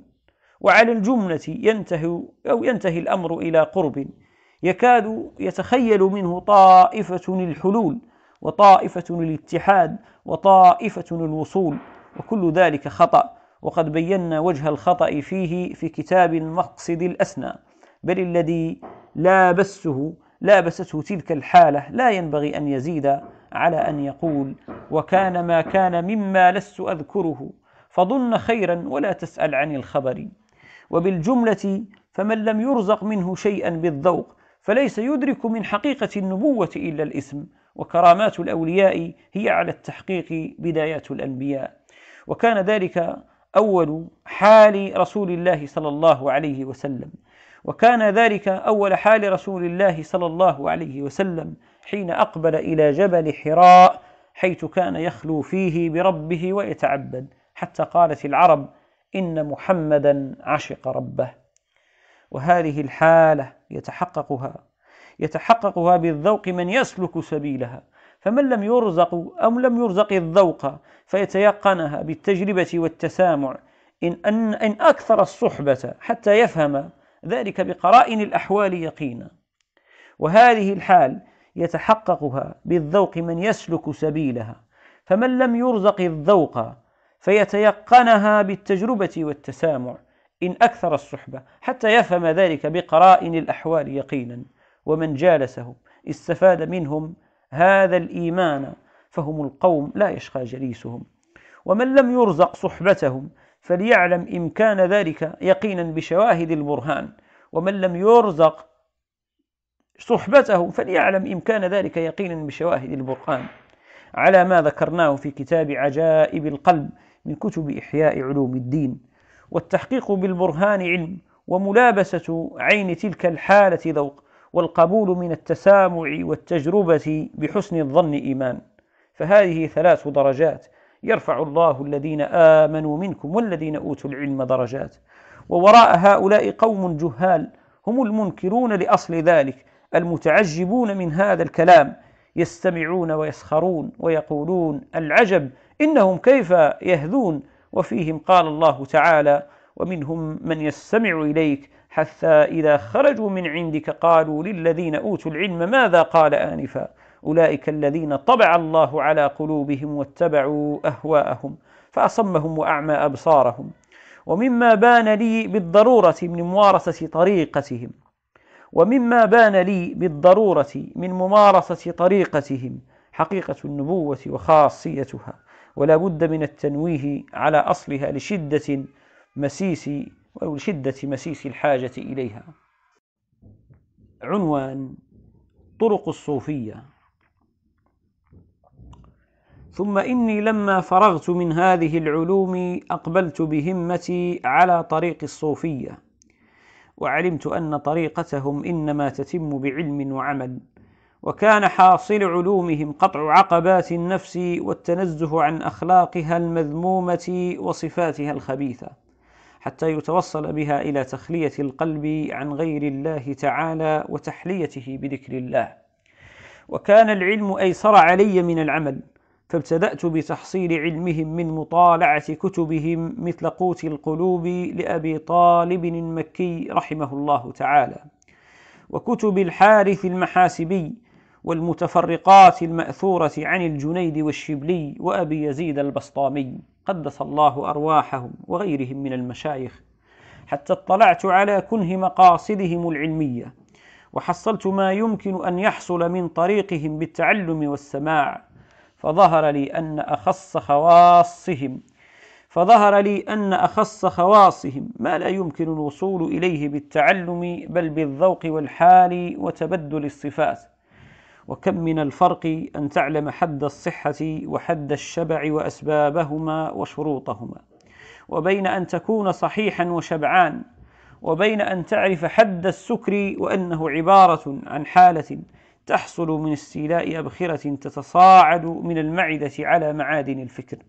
وبين أن تكون سكران بل السكران لا يعرف حد السكر وعلمه وهو سكران وما معه من علمه شيء والطبيب في حالة المرض يعرف حد الصحة وأسبابها وأدويتها وهو فاقد الصحة فكذلك فرق بين أن تعرف حقيقة الزهد وشروطه وأسبابه وبين أن تكون حالك الزهد وعزوف النفس عن الدنيا فعلمت يقينا أنهم أرباب الأحوال لا أصحاب الأقوال وأن ما يمكن تحصيله بطريق العلم فقد حصلته ولم يبق إلا ما لا سبيل إليه بالسماع والتعلم بل بالذوق والسلوك وقد كان حصل معي من العلوم التي مارستها والمسالك التي سلكتها في التفتيش عن صنفي العلوم الشرعية والعقلية إيمان يقيني بالله تعالى وبالنبوة وباليوم الآخر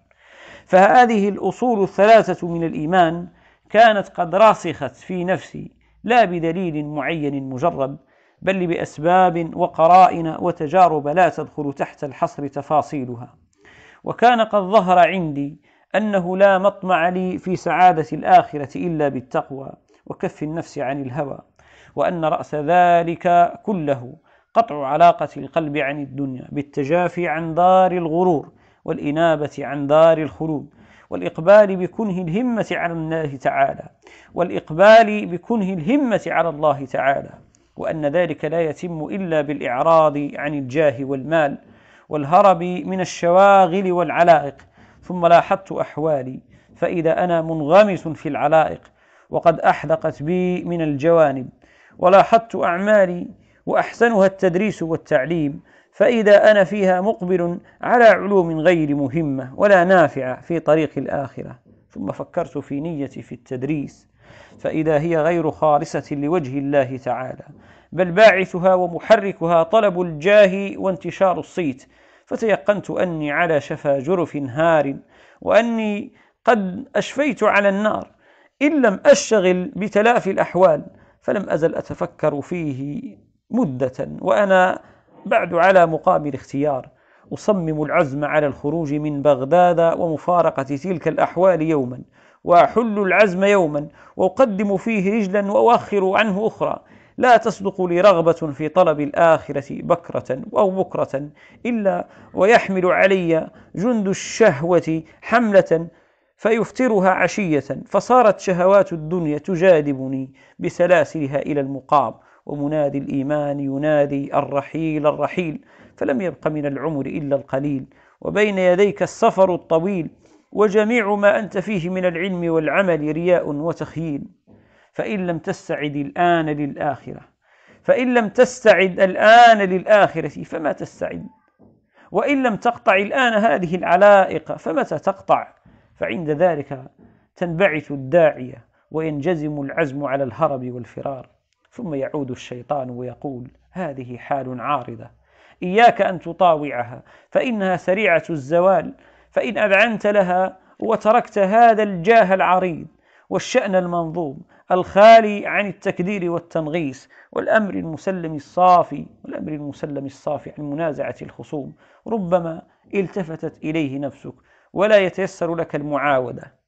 فلم أزل أتردد بين تجاذب شهوات الدنيا ودواعي الآخرة قريبا من ستة أشهر أولها رجب سنة ثمان وثمانين وأربعمائة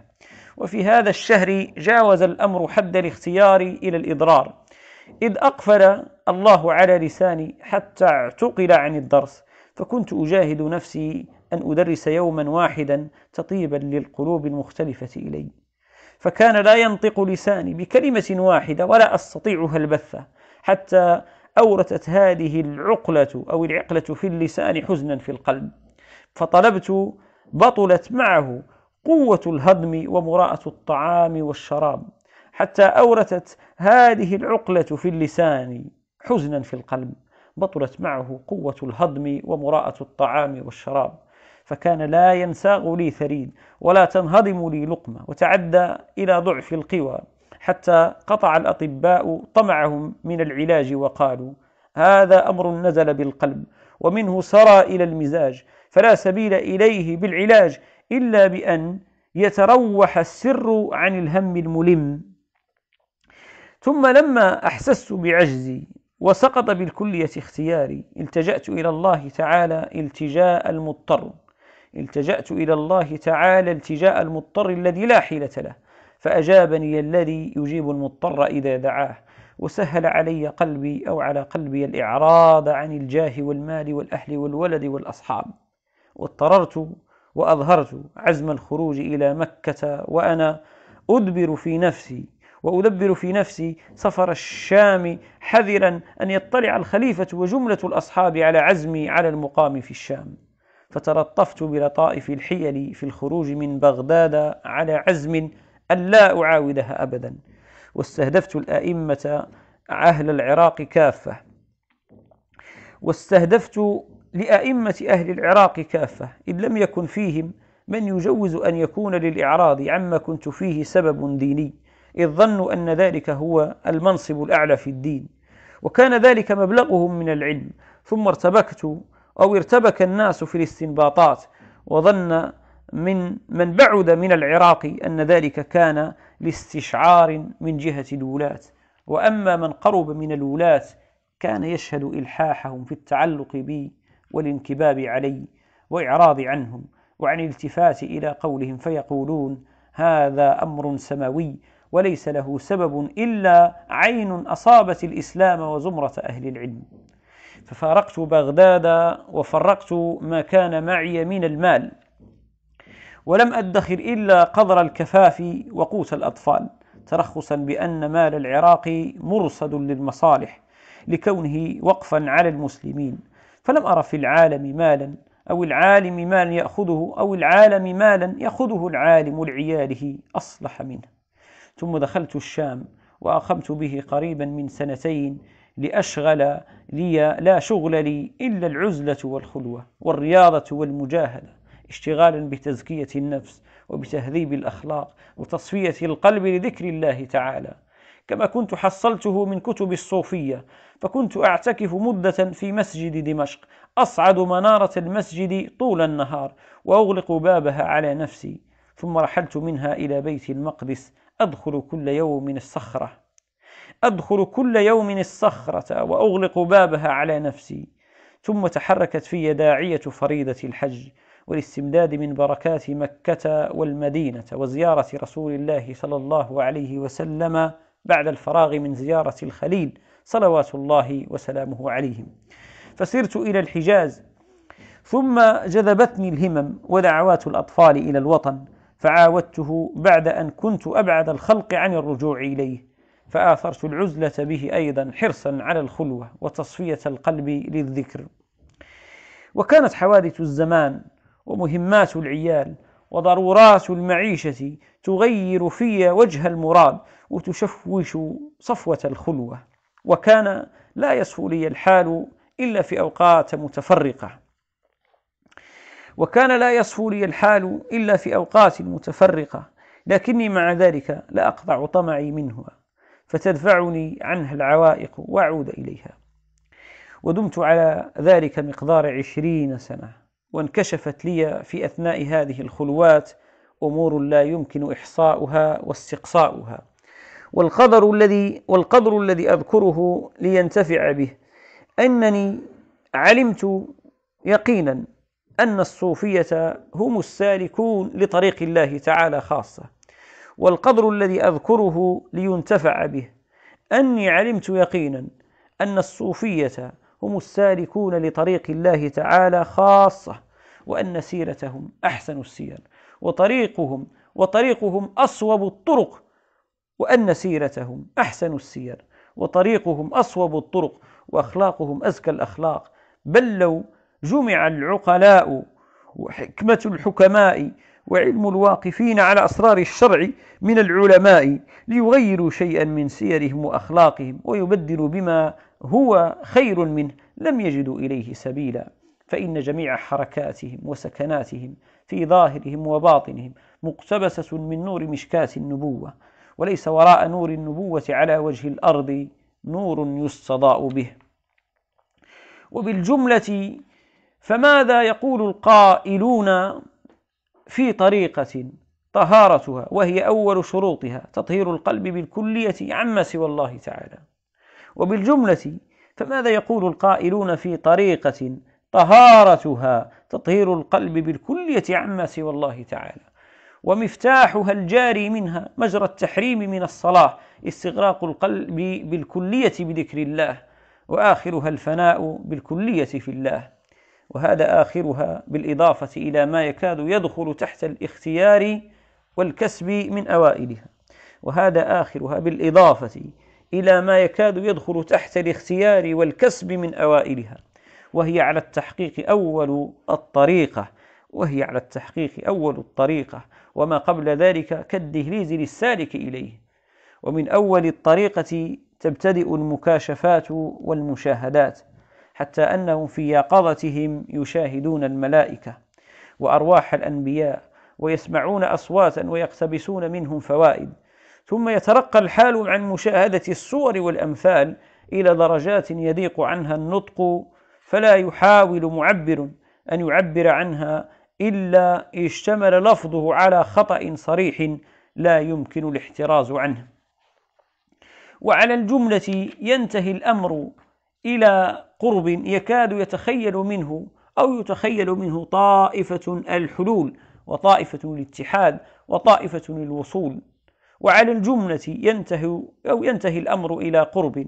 يكاد يتخيل منه طائفة الحلول وطائفة الاتحاد وطائفة الوصول وكل ذلك خطأ وقد بينا وجه الخطأ فيه في كتاب المقصد الأسنى بل الذي لابسه لابسته تلك الحالة لا ينبغي أن يزيد على أن يقول وكان ما كان مما لست أذكره فظن خيرا ولا تسأل عن الخبر وبالجملة فمن لم يرزق منه شيئا بالذوق فليس يدرك من حقيقة النبوة إلا الاسم وكرامات الأولياء هي على التحقيق بدايات الأنبياء وكان ذلك أول حال رسول الله صلى الله عليه وسلم وكان ذلك أول حال رسول الله صلى الله عليه وسلم حين أقبل إلى جبل حراء حيث كان يخلو فيه بربه ويتعبد حتى قالت العرب إن محمدا عشق ربه وهذه الحالة يتحققها يتحققها بالذوق من يسلك سبيلها فمن لم يرزق أو لم يرزق الذوق فيتيقنها بالتجربة والتسامع إن, أن, إن أكثر الصحبة حتى يفهم ذلك بقرائن الأحوال يقينا وهذه الحال يتحققها بالذوق من يسلك سبيلها فمن لم يرزق الذوق فيتيقنها بالتجربة والتسامع إن أكثر الصحبة حتى يفهم ذلك بقرائن الأحوال يقينا ومن جالسهم استفاد منهم هذا الإيمان فهم القوم لا يشقى جليسهم ومن لم يرزق صحبتهم فليعلم إمكان ذلك يقينا بشواهد البرهان ومن لم يرزق صحبته فليعلم إمكان ذلك يقينا بشواهد البرهان على ما ذكرناه في كتاب عجائب القلب من كتب إحياء علوم الدين والتحقيق بالبرهان علم وملابسة عين تلك الحالة ذوق والقبول من التسامع والتجربة بحسن الظن إيمان فهذه ثلاث درجات يرفع الله الذين آمنوا منكم والذين أوتوا العلم درجات ووراء هؤلاء قوم جهال هم المنكرون لأصل ذلك المتعجبون من هذا الكلام يستمعون ويسخرون ويقولون العجب إنهم كيف يهذون وفيهم قال الله تعالى ومنهم من يستمع إليك حتى إذا خرجوا من عندك قالوا للذين أوتوا العلم ماذا قال آنفا أولئك الذين طبع الله على قلوبهم واتبعوا أهواءهم فأصمهم وأعمى أبصارهم ومما بان لي بالضرورة من ممارسة طريقتهم ومما بان لي بالضرورة من ممارسة طريقتهم حقيقة النبوة وخاصيتها ولا بد من التنويه على أصلها لشدة مسيس ولشدة مسيس الحاجة إليها عنوان حقيقة النبوة واضطرار كافة الخلق إليها. اعلم أن جوهر الإنسان في أصل الفطرة خلق خاليا ساذجا لا خير معه من عوالم الله تعالى. والعوالم كثيرة لا يحصيها إلا الله تعالى كما قال: وما يعلم جنود ربك إلا هو. وإنما خبره من العوالم بواسطة الإدراك. وكل إدراك من الإدراكات خلق ليطلع الإنسان به على عالم من الموجودات ونعني بالعوالم أجناس الموجودات فأول ما يخلق في الإنسان حاسة اللمس فيدرك بها أجناسا من الموجودات كالحرارة والبرودة والرطوبة واليبوسة واللين والخشونة وغيرها واللمس قاصر عن الألوان والأصوات قطعا بل هي كالمعدوم في حس اللمس ثم تخلق له حاسة البصر فيدرك بها الألوان والأشكال وهو أوسع عوالم المحسوسات ثم ينفتح له السمع فيسمع الأصوات والنغمات ثم يخلق له الذوق وكذلك إلى أن يجاوز عالم المحسوسات فيخلق فيه التمييز وهو قريب من سبع سنين وهو طور آخر من أطوار وجوده فيدرك فيه امورا زائده على عالم المحسوسات لا يوجد منها شيء في عالم الحس ثم يترقى الى طور اخر فيخلق له العقل فيدرك الواجبات والجائزات والمستحيلات وامورا لا توجد في الاطوار التي قبله ووراء العقل طور اخر تفتح فيه عين اخرى يبصر بها الغيب وما سيكون في المستقبل وأمورا أخر العقل معزول عنها كعزل قوة التمييز من إدراك المعقولات وكعزل قوة الحس عن مدركات التمييز أو كعزل قوة الحس عن مدركات التمييز وكما أن المميز لو عرضت عليه مدركات العقل لأباها واستبعدها فكذلك بعض العقلاء أبوا مدركات النبوة واستبعدوها وذلك عين الجهل إذ لا مستند لهم إلا أنه طور لم يبلغه ولم يوجد في حقه فيظن أنه غير موجود في نفسه والأكمه لو لم يعلم بالتواتر والتسامع الألوان والأشكال وحكي له ذلك ابتداء لم يفهمها ولم يقربها وقد قرب الله تعالى على خلقه بأن أعطاهم نموذجا من خاصية النبوة وهو النوم إذ النائم يدرك ما سيكون من الغيب إما صريحا وإما في كسوة مثال يكشف عنه التعبير وهذا لو لم يجربه الإنسان من نفسه وقيل له إن من الناس من يسقط مغشيا عليه كالميت ويزول عنه إحساسه وسمعه وبصره فيدرك الغيب لأنكره وأقام البرهان على استحالته وقال القوى الحساسة أسباب الإدراك فمن لا يدرك الأشياء مع وجودها وحضورها فبأن لا يدرك فبأن لا يدرك مع ركودها أولى وأحق وهذا نوع قياسي يكذبه الوجود والمشاهدة فكما أن العقل طور من أطوار الآدمي يحصل فيه عين يبصر بها أنواعا من المعقولات والحواس معزولة عنها فالنبوة أيضا عبارة عن طور يحصل فيه عين لها نور يظهر في نورها الغيب وأمور لا يدركها العقل والشك في النبوة إما أن يقع في إمكانها أو في وجود وقوعها إما أن يقع في إمكانها أو في وجودها ووقوعها أو في حصولها لشخص معين ودليل إمكانها ووجودها ودليل وجودها وجود معارف في العالم لا يتصور أن تنال بالعقل كعلم الطب والنجوم فإن من بحث عنها علم بالضرورة أنها لا تدرك إلا بإبهام إلهي وتوفيق من جهة الله تعالى ولا سبيل إليها بالتجربة فمن الأحكام النجومية ما لا يقع إلا في كل ألف سنة مرة فكيف ينال ذلك بالتجربة وكذلك خواص الأدوية فيتبين بها البرهان فيتبين بهذا البرهان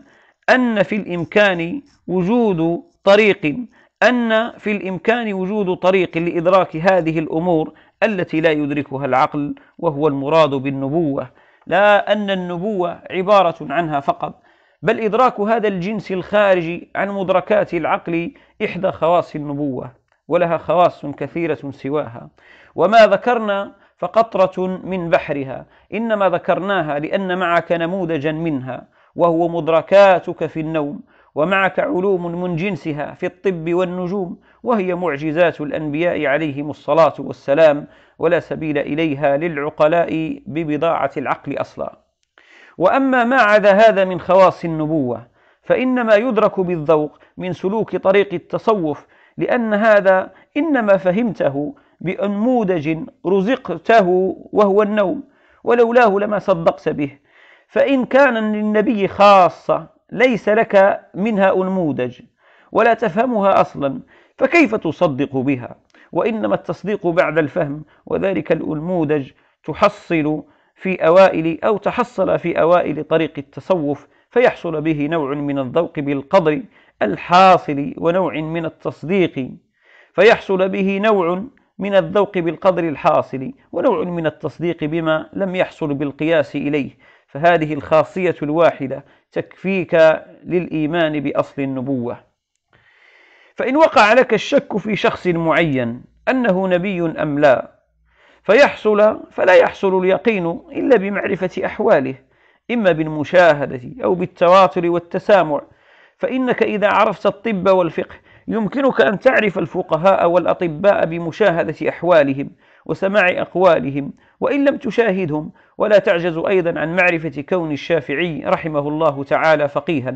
وكون جالينوس طبيبا معرفة بالحقيقة لا بالتقليد عن الغير بل بأن تتعلم شيئا من الفقه والطب وتطالع كتبهما وتصانيفهما فيحصل لك علم ضروري بحالهما فكذلك إذا فهمت معنى النبوة فأكثرت النظر في القرآن والأخبار يصل لك العلم الضروري بكونه صلى الله عليه وسلم على أعلى درجات النبوة وأعضد ذلك بتجربة ما قاله في العبادات وتأثيرها في تصفية القلوب وأعضد ذلك بتجربة ما قاله في العبادات وتأثيرها في تصفية القلوب وكيف صدق صلى الله عليه وسلم وصدق في قوله من عمل بما علم ورثه الله علم ما لم يعلم وكيف صدق في قوله من أعان ظالما سلطه الله عليه وكيف صدق في قوله من أصبح وهمومه هم واحد كفاه الله تعالى هموم الدنيا والآخرة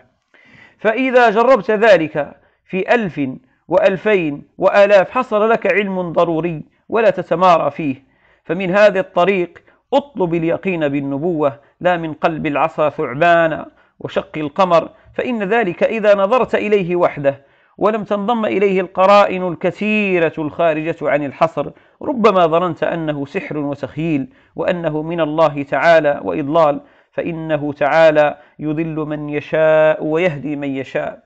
وترد عليك أسئلة المعجزات فإذا كان مستند إيمانك إلى كلام منظوم في وجه دلالة معجزة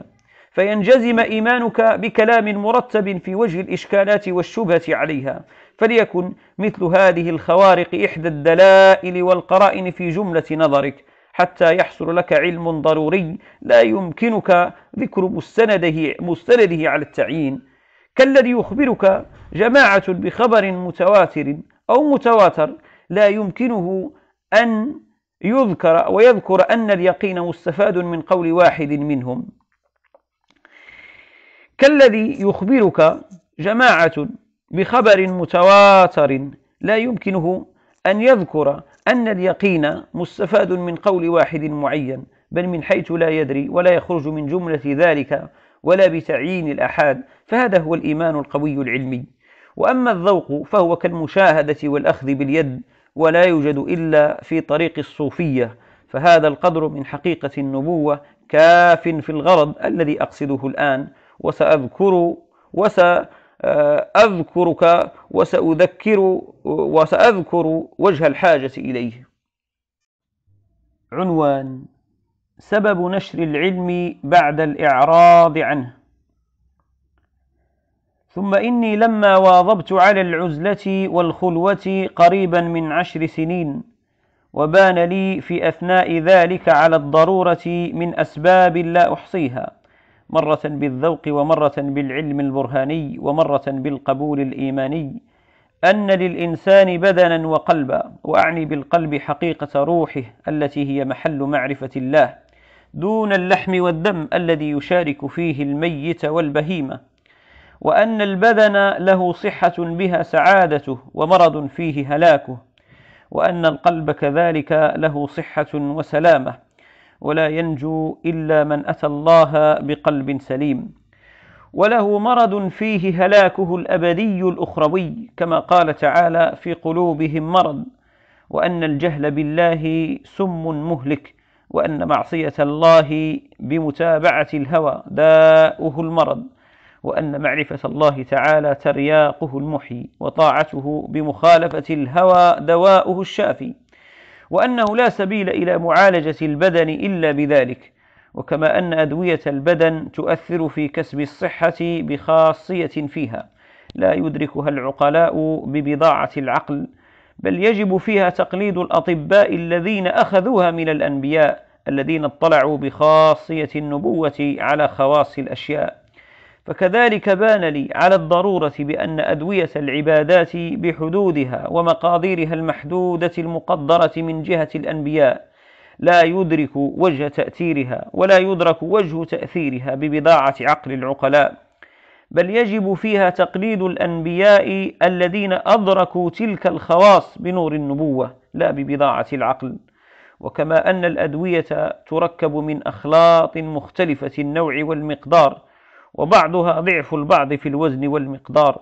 فلا يخلو الاختلاف اختلاف مقاديرها عن سر هو من قبيل الخواص فكذلك العبادات التي هي أدوية داء القلوب مركبة من أفعال مختلفة النوع والمقدار حتى أن السجود ضعف الركوع وصلاة الصبح نصف صلاة العصر في المقدار حتى أن السجود ضعف الركوع وصلاة الصبح نصف صلاة العصر في المقدار ولا يخلو عن سر من الأسرار هو من قبيل الخواص التي لا يطلع عليها إلا بنور النبوة وقد تحامق وتجاهل جدا من أراد أن يستنبط بطريق العقل لها حكمة أو ظن أنها ذكرت على الاتفاق لا عن سر إلهي فيها يقتضيها بطريق الخاصية وكما أن في الأدوية أصولا هي أركانها وزوائد هي متمماتها وزوائد هي متمماتها لكل واحد منها خصوص تأثير في أعمال أصولها كذلك النوافل والسنن متممات لتكميل آثار أركان العبادات وعلى الجملة فالأنبياء عليهم السلام أطباء أمراض القلوب وإنما فائدة العقل وتصرفه إن عرفنا ذلك وشهد للنبوة بالتصديق ولنفسه بالعمى عن درك ما يدرك بعين النبوة أخذ بأيدينا وسلمنا إليها تسليم العميان إلى القائدين وتسليم المرضى المتحيرين إلى الأطباء المشفقين فإلى ها هنا مجرى العقل مجرى العقل ومخطاه وهو معزول عما بعد ذلك إلا عن تفهم ما يلقيه الطبيب إليه فهذه أمور عرفناها بالضرورة الجارية مجرى المشاهدة في مدة الخلوة والعزلة ثم رأينا فتور الاعتقادات في أصل النبوة ثم في حقيقة النبوة ثم في العمل بما شرحته النبوة وتحققنا شيوع ذلك بين الخلق فنظرت إلى أسباب فتور الخلق وضعف إيمانهم فإذا هي أربعة أولا سبب من الخائدين في علم الفلسفة وثانيا وسبب من الخائدين في طريق التصوف وثالثا وسبب من المنتسبين إلى دعوى التعليم ورابعا وسبب من معاملة الموسومين بالعلم فيما بين الناس فإني تتبعت مدة آحاد الخلق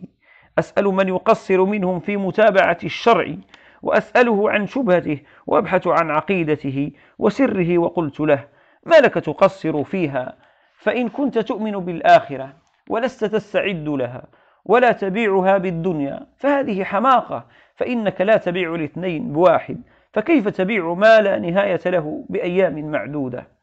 وإن كنت لا تؤمن فأنت كافر فدبر نفسك في طلب الإيمان وانظر سبب كفرك الخفي الذي هو مذهبك باطنا وهو سبب جرأتك ظاهرا وإن كنت لا تصرح به تجملا بالإيمان وتشرفا بذكر الشرع فقال قائل أو فقائل يقول إن هذا أمر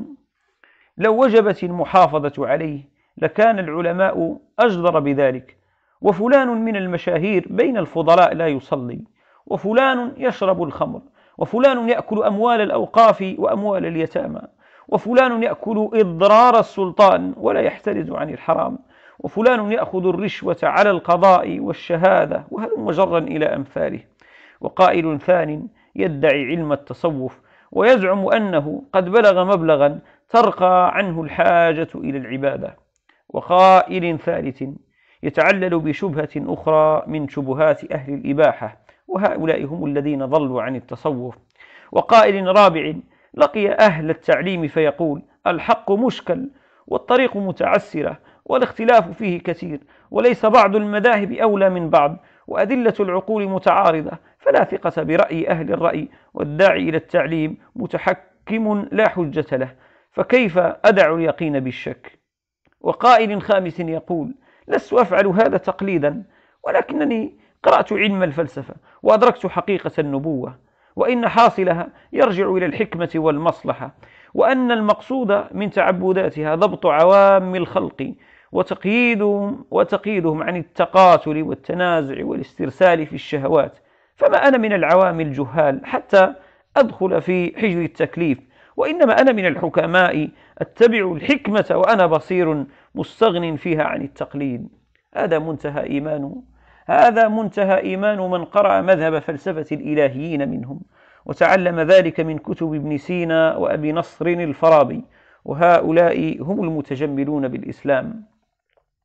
وربما ترى الواحد منهم يقرأ القرآن ويحضر الجماعات والصلوات ويعظم الشريعة بلسانه ولكنه مع ذلك لا يترك شرب الخمر وأنواعا من الفسق والفجور وإذا قيل له إن كنت غير أو إن كانت غير صحيحة فلم تصلي فربما يقول لرياضة الجسد ولعادة أهل البلد وحفظ المال والولد وربما قال الشريعة صحيحة والنبوة حق فيقال فلم تشرب الخمر فيقول إنما نهي عن الخمر لأنها تورث العداوة والبغضاء وأنا بحكمتي محترز عن ذلك وإني أقصد به تشحيد خاطري حتى أن ابن سينا ذكر في وصية له كتب فيها إنه عاهد الله تعالى على كذا وكذا وأن يعظم الأوضاع الشرعية ولا يقصر في العبادة الدينية ولا يشرب تلهيا بل تداويا وتشافيا فكان منتهى حالته في صفاء الإيمان والتزام العبادات أن استثنى شرب الخمرة لغرض التشافي فهذا إيمان من يدعي الإيمان منهم وقد انخدع بهم جماعة وزادهم انخداعا ضعف اعتراض المعترضين عليهم إذ اعترضوا بمجاهدة علم الهندسة والمنطق وغير ذلك مما هو ضروري لهم على ما بينا علته من قبل فلما رأيت أصناف الخلق قد ضعف إيمانهم إلى هذا الحد بهذه الأسباب ورأيت نفسي ملبة ورأيت نفسي ملبة بكشف هذه الشبعة ورأيت نفسي ملبة بكشف هذه الشبهة حتى كان إفضاح هؤلاء أيسر عندي حتى كان إفضاح هؤلاء أيسر عندي من شربة ماء لكثرة خوضي في علومهم وطرقهم أعني طرق الصوفية والفلاسفة والتعليمية والمتوسمين من العلماء انقدح في نفسي أن ذلك متعين في هذا أو في هذا الوقت محتوم فماذا تغنيك الخلوة والعزلة وقد عم الداء ومرض الأطباء وأشرف الخلق على الهلاك ثم قلت في نفسي متى تشتغل أنت بكشف هذه الغمة ومصادمة هذه الظلمة والزمان زمان الفترة والدور دور الباطل ولو اشتغلت بدعوة الخلق عن طرقهم إلى الحق لعادك أهل الزمان بأجمعهم وأن تقاوم فكيف تعايشهم ولا يتم ذلك إلا بزمام مساعدة إلا بزمان إلا بزمان مساعد وسلطان متدين قاهر فترخصت بيني وبين الله تعالى بالاستمرار على العزلة تعللا بالعجز عن إظهار الحق بالحجة فقدر الله تعالى أن حرك داعية سلطان الوقت من نفسه لا بتحريك من الخارج فأمر أمر إلزام بالنهوض إلى نيسابور لتدارك هذه الفترة وبلغ الإلزام حدا كان ينتهي لو أصررت على الخلاف إلى حد الوحشة فخطر لي أن سبب الرخصة قد ضعف فلا ينبغي أن يكون باعثك على ملازمة العزلة الكسل والاستراحة وطلب عز النفس وصونها عن أذى الخلق ولم ترخص لنفسك عسر معاناة الخلق والله سبحانه وتعالى يقول ألف لام ميم أحسب الناس أن يتركوا أن يقولوا آمنا وهم لا يفتنون ولقد فتنا الذين من قبلهم ويقول عز وجل لرسوله وهو أعز خلقه ولقد كذبت رسل من قبلك فصبروا على ما كذبوا ولقد جاءك من نبأ المرسلين ويقول عز وجل ياسين والقرآن الحكيم إلى قوله إنما تنذر من اتبع الذكر وخشي الرحمن بالغيب فشاورت في ذلك جماعة من أرباب القلوب والمشاهدات فاتفقوا على الإشارة بترك العزلة والخروج من الزاوية وانضاف إلى ذلك منامات من الصالحين كثيرة متواترة تشهد بأن هذه الحركة مبدأ خير ورشد قدره الله سبحانه على رأس هذه المئة فاستحكم الرجاء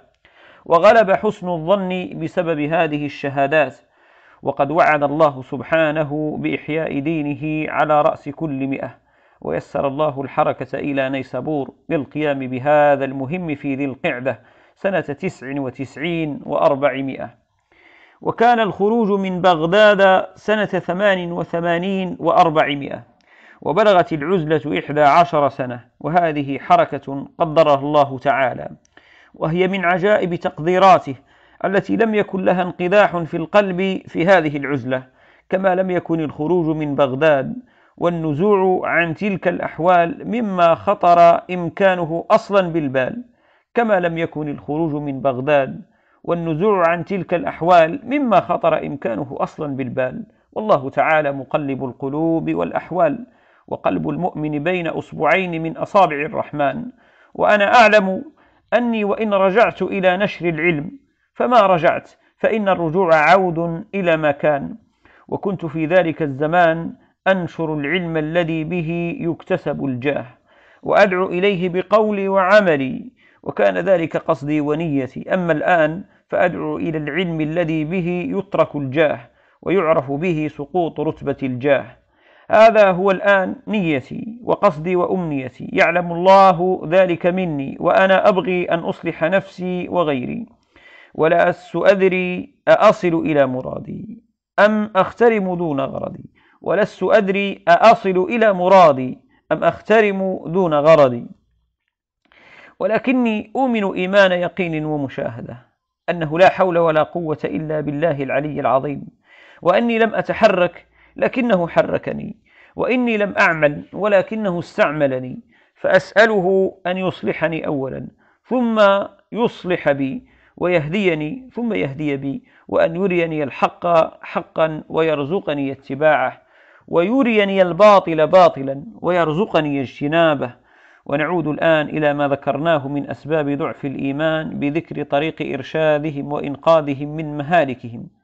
أما الذين ادعوا الحيرة من أهل التعليم فعلاجهم ما ذكرناه في كتاب القسطاس المستقيم ولا نطول بذكره في هذه الرسالة وأما ما توهمه أهل الإباحة فقد حصرنا شبههم فقد حصرنا شبههم شبههم في سبعة أنواع وكشفناها في كيمياء السعادة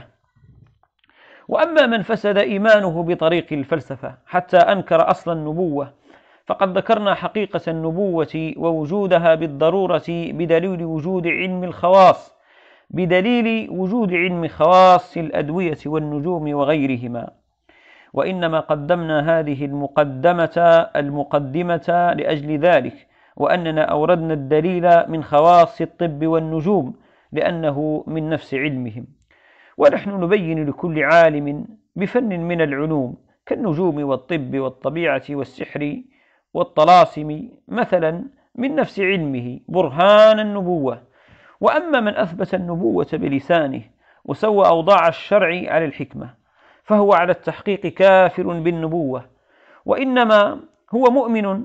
بحكم أو بحكم له طالع مخصوص يقتضي طالعه أن يكون متبوعا وليس هذا من النبوة في شيء بل الإيمان بالنبوة أن يقر بإثبات طور وراء العقل تنفتح فيه عين يدرك بها مدركات خاصة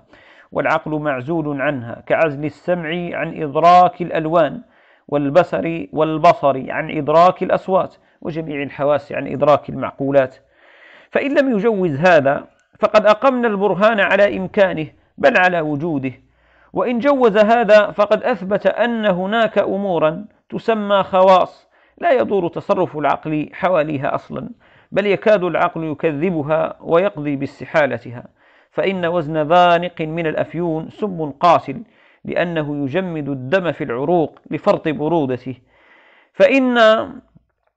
وزن ذانق من الأفيون سم قاتل لأنه يجمد الدم في العروق لفرط برودته والذي يدعي علم الطبيعة يزعم أنه ما يبرد من المركبات إنما يبرد بعنصري الماء والتراب فهما العنصران الباردان ومعلوم أن أرطالا من الماء والتراب لا يبلغ تبريدها في الباطن إلى هذا الحد فلو أخبر طبيعي بهذا ولم يجربه لقال هذا محال والدليل على استحالته أن فيه نارية وهوائية والهوائية والنارية لا تزيدها برودة فنقدر ونقدر الكل ماء وترابا فلا يوجب هذا الإفراط في التبريد فلا يوجب هذا الإفراط في التبريد فإن انضم إليه حاران فبأن لا يوجد ذلك أولى ويقدر هذا برهانا وأكثر براهين الفلاسفة في الطبيعيات والإلهيات مبني على هذا الجنس فإنهم تصوروا الأمور على قدر ما وجدوه وعقلوه وربما لم يألفوه فقدروا استحالته ولو لم تكن الرؤيا الصادقة مألوفة وادعى مدع أنه عند ركود الحواس يعلم الغيب لأنكره يعلم الغيب لأنكره المتصفون بمثل هذه العقول ولو قيل لواحد هل يجوز أن يكون في الدنيا شيء هو بمقدار حبة يوضع في بلدة فيأكل تلك البلدة بجملتها ثم يأكل نفسه فلا يبقى شيء من البلدة وما فيها ولا يبقى هو نفسه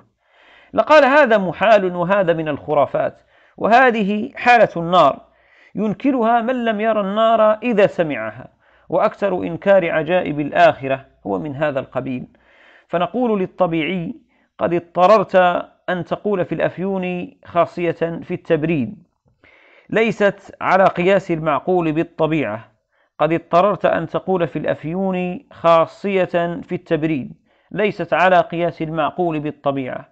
فلما لا يجوز أن يكون في الأوضاع الشرعية من الخواص في مداواة القلوب وتصفيتها ما لا يدرك بالحكمة العقلية بل لا يبصر ذلك إلا بعين النبوة قد اعترفوا بخواص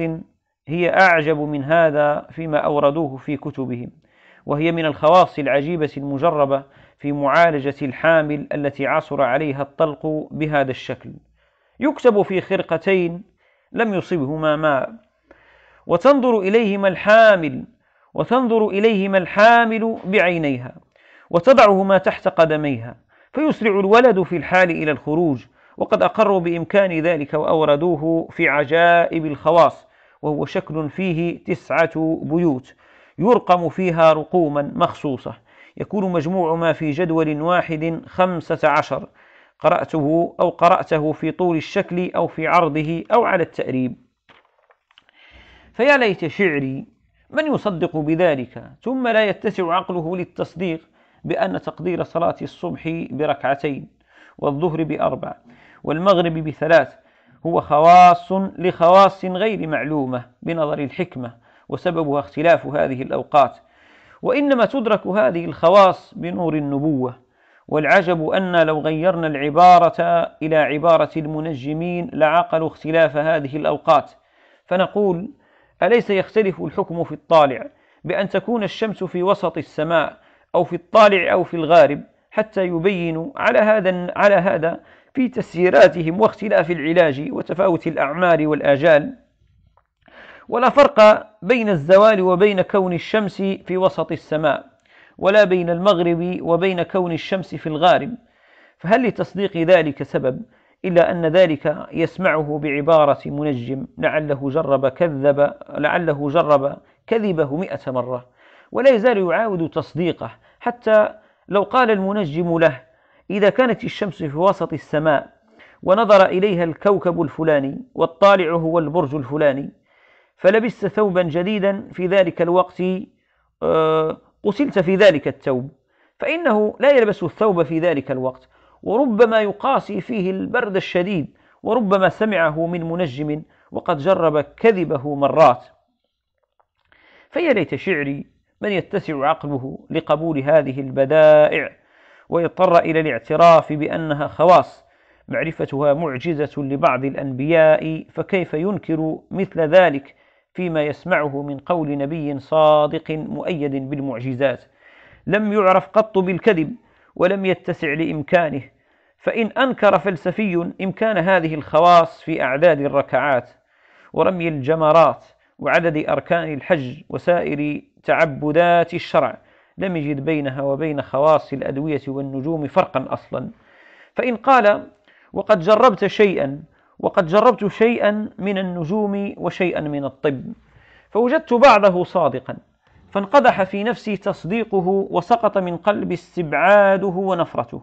وهذا لم أجربه به فبما أعلم وجوده وتحقيقه وإن أقررت بإمكانه فأقول إنك لا تقتصر على تصديق ما جربته بل سمعت أخبار المجربين وقلدتهم فاسمع أقوال الأنبياء فقد جربوا وشاهدوا الحق في جميع ما ورد في الشرع واسلك سبيلهم تدرك بالمشاهدة بعد ذلك واسلك سبيلهم تدرك بالمشاهدة بعد ذلك أو تدرك بالمشاهدة بعد ذلك على أني أقول وإن لم تجربه فيقضي عقلك بوجوب التصديق والاتباع قطعا فإنا لو فرضنا رجلا بلغ وعقل ولم يجرب المرض فمرض له فمرض وله والد مشفق حاذق بالطب يسمع دعواه في معرفة الطب منذ عقل فعجن له والده دواء فقال هذا يصلح لمرضك ويشفيك من سقمك فماذا يقتضيه عقلك وإن كان الدواء مرا كره المذاق أن يتناول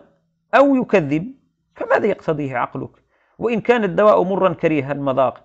أن يتناول أو يكذب ويقول أنا لا أعقل مناسبة هذا الدواء لتحصيل الشفاء ولم أجربه على أني أقول وإن لم تجربه فيقضي عقلك بوجوب التصديق والاتباع قطعا فإنا لو فرضنا رجلا بلغ وعقل ولم يجرب المرض فمرض له ولد وله والد فمرض وله والد مشفق حاذق بالطب يسمع دعواه في معرفة الطب منذ عقل فعجن له والده دواء فقال هذا يصلح لمرضك ويشفيك من من سقمك فماذا يقتضيه عقلك وإن كان الدواء مرا كريه العقل أو كريه المذاق عفوا أن يتناول أو يكذب ويقول أنا لا أعقل مناسبة هذا الدواء لتحصيل الشفاء ولم أجربه فلا شك أنك تستحمقه إن فعل ذلك وكذلك يستحمق أهل البصائر في توقفك فإن قلت فبما أعرف شفقة النبي صلى الله عليه وسلم ومعرفته بهذا الطب فأقول وبما عرفت شفقة أبيك وليس ذلك أمرا محسوسا بل عرفتها بقرائن أحواله وشواهد أعماله في مصادره وموارده علما ضروريا لا تتمارى فيه ومن نظر في أقوال الرسول صلى الله عليه وسلم وما ورد في الأخبار في اهتمامه بإرشاد الخلق وتلطفه في جر الناس بأنواع الرفق واللين واللطف إلى تحسين الأخلاق وإصلاح ذات البين وبالجملة إلى ما يصلح به دينهم ودنياهم حصل له علم ضروري بأن شفقته صلى الله عليه وسلم على أمته أعظم من شفقة الوالد على ولده وإذا نظر إلى عجائب ما ظهر عليه من الأفعال وإلى عجائب الغيب الذي أخبر عنه القرآن على لسانه وفي الأخبار وإلى ما ذكره في آخر الزمان فظهر ذلك كما ذكره علم علما ضروريا أنه بلغ الطور الذي وراءه العقل وانفتح له العين الذي ينكشف منها الغيب وانفتحت له العين التي ينكشف منها الغيب الذي لا يدركه إلا الخواص والأمور التي لا يدركها العقل فهذا هو منهاج تحصيل العلم الضروري بتصديق النبي صلى الله عليه وسلم فجرب وتأمل القرآن وطالع الأخبار تعرف ذلك بالعيان وهذا القدر يكفي في تنبيه المتفلسفة ذكرناه لشدة الحاجة إليه في هذا الزمان وأما السبب الرابع وهو ضعف الإيمان بسبب سيرة العلماء فيداوي هذا المرض ويداوى بثلاثة أمور أحدهما أن نقول إن العالم الذي تزعم أنه يأكل الحرام ومعرفته بتعريم أو بتحريم ذلك الحرام كمعرفتك بتحريم الخمر ولحم الخنزير والربا بل بتحريم الغيبة والكذب والنميمة وأنت تعرف ذلك وتفعله لا لعدم إيمانك بأنه معصية بل لشهوتك الغالبة عليك فشهوتك كشهوتك فشهوته كشهوتك وقد غلبته كما غلبته فعلمه بمسائل وراء هذا يتميز به عنك فعلمه بمسائل فعلمه بمسائل وراء هذا يتميز به عنك لا يناسب زيادة زجر عن زجر عن هذا المحظوظ المعين وكم من مؤمن بالطب لا يصبر عن الفاكهة وعن الماء البارد وإن زجره الطبيب عنه ولا يدل ذلك على أنه ضار أو على الإيمان بالطب غير صحيح فهذا محمول أو محمل هفوات العلماء والثاني أن يقال للعامي ينبغي أن تعتقد أن العالم اتخذ علمه ذخرا لنفسه في الآخرة ويظن أن علمه ينجيه ويكون شفيعا له حتى يتساهل معه في أعماله لفضيلة علمه وإن جاز أن يكون زيادة حجة عليه فهذا يجوز أن يكون زيادة درجة له وهو ممكن فهو وإن ترك العمل يدلي بالعلم وأما أنت أيها العامي إذا نظرت إليه وتركت العمل وأنت عن عن العلم عاطل فتهلك بسوء عملك ولا شفيع لك. الثالث وهو الحقيقة أن العالم الحقيقي لا يقارف معصية إلا على سبيل الهفوة ولا يكون مصرا على المعاصي أصلا إذ العلم الحقيقي ما يعرف أن المعصية سم مهلك وأن الآخرة خير من الدنيا ومن عرف ذلك لا يبيع الخير بما هو أدنى منه وهذا العلم لا يحصل بأنواع العلوم التي يشتغل بها أكثر الناس فلذلك لا يزدهم ذلك العلم إلا جرأة على معصية الله تعالى وأما العلم الحقيقي فيزيد صاحبه خشية وخوفا ورجاء وذلك يحول بينه وبين المعاصي وذلك يحول بينه وبين المعاصي إلا الهفوات التي ينفك عنها البشر في الفترات وذلك لا يدل على ضعف الإيمان فالمؤمن مفتن تواب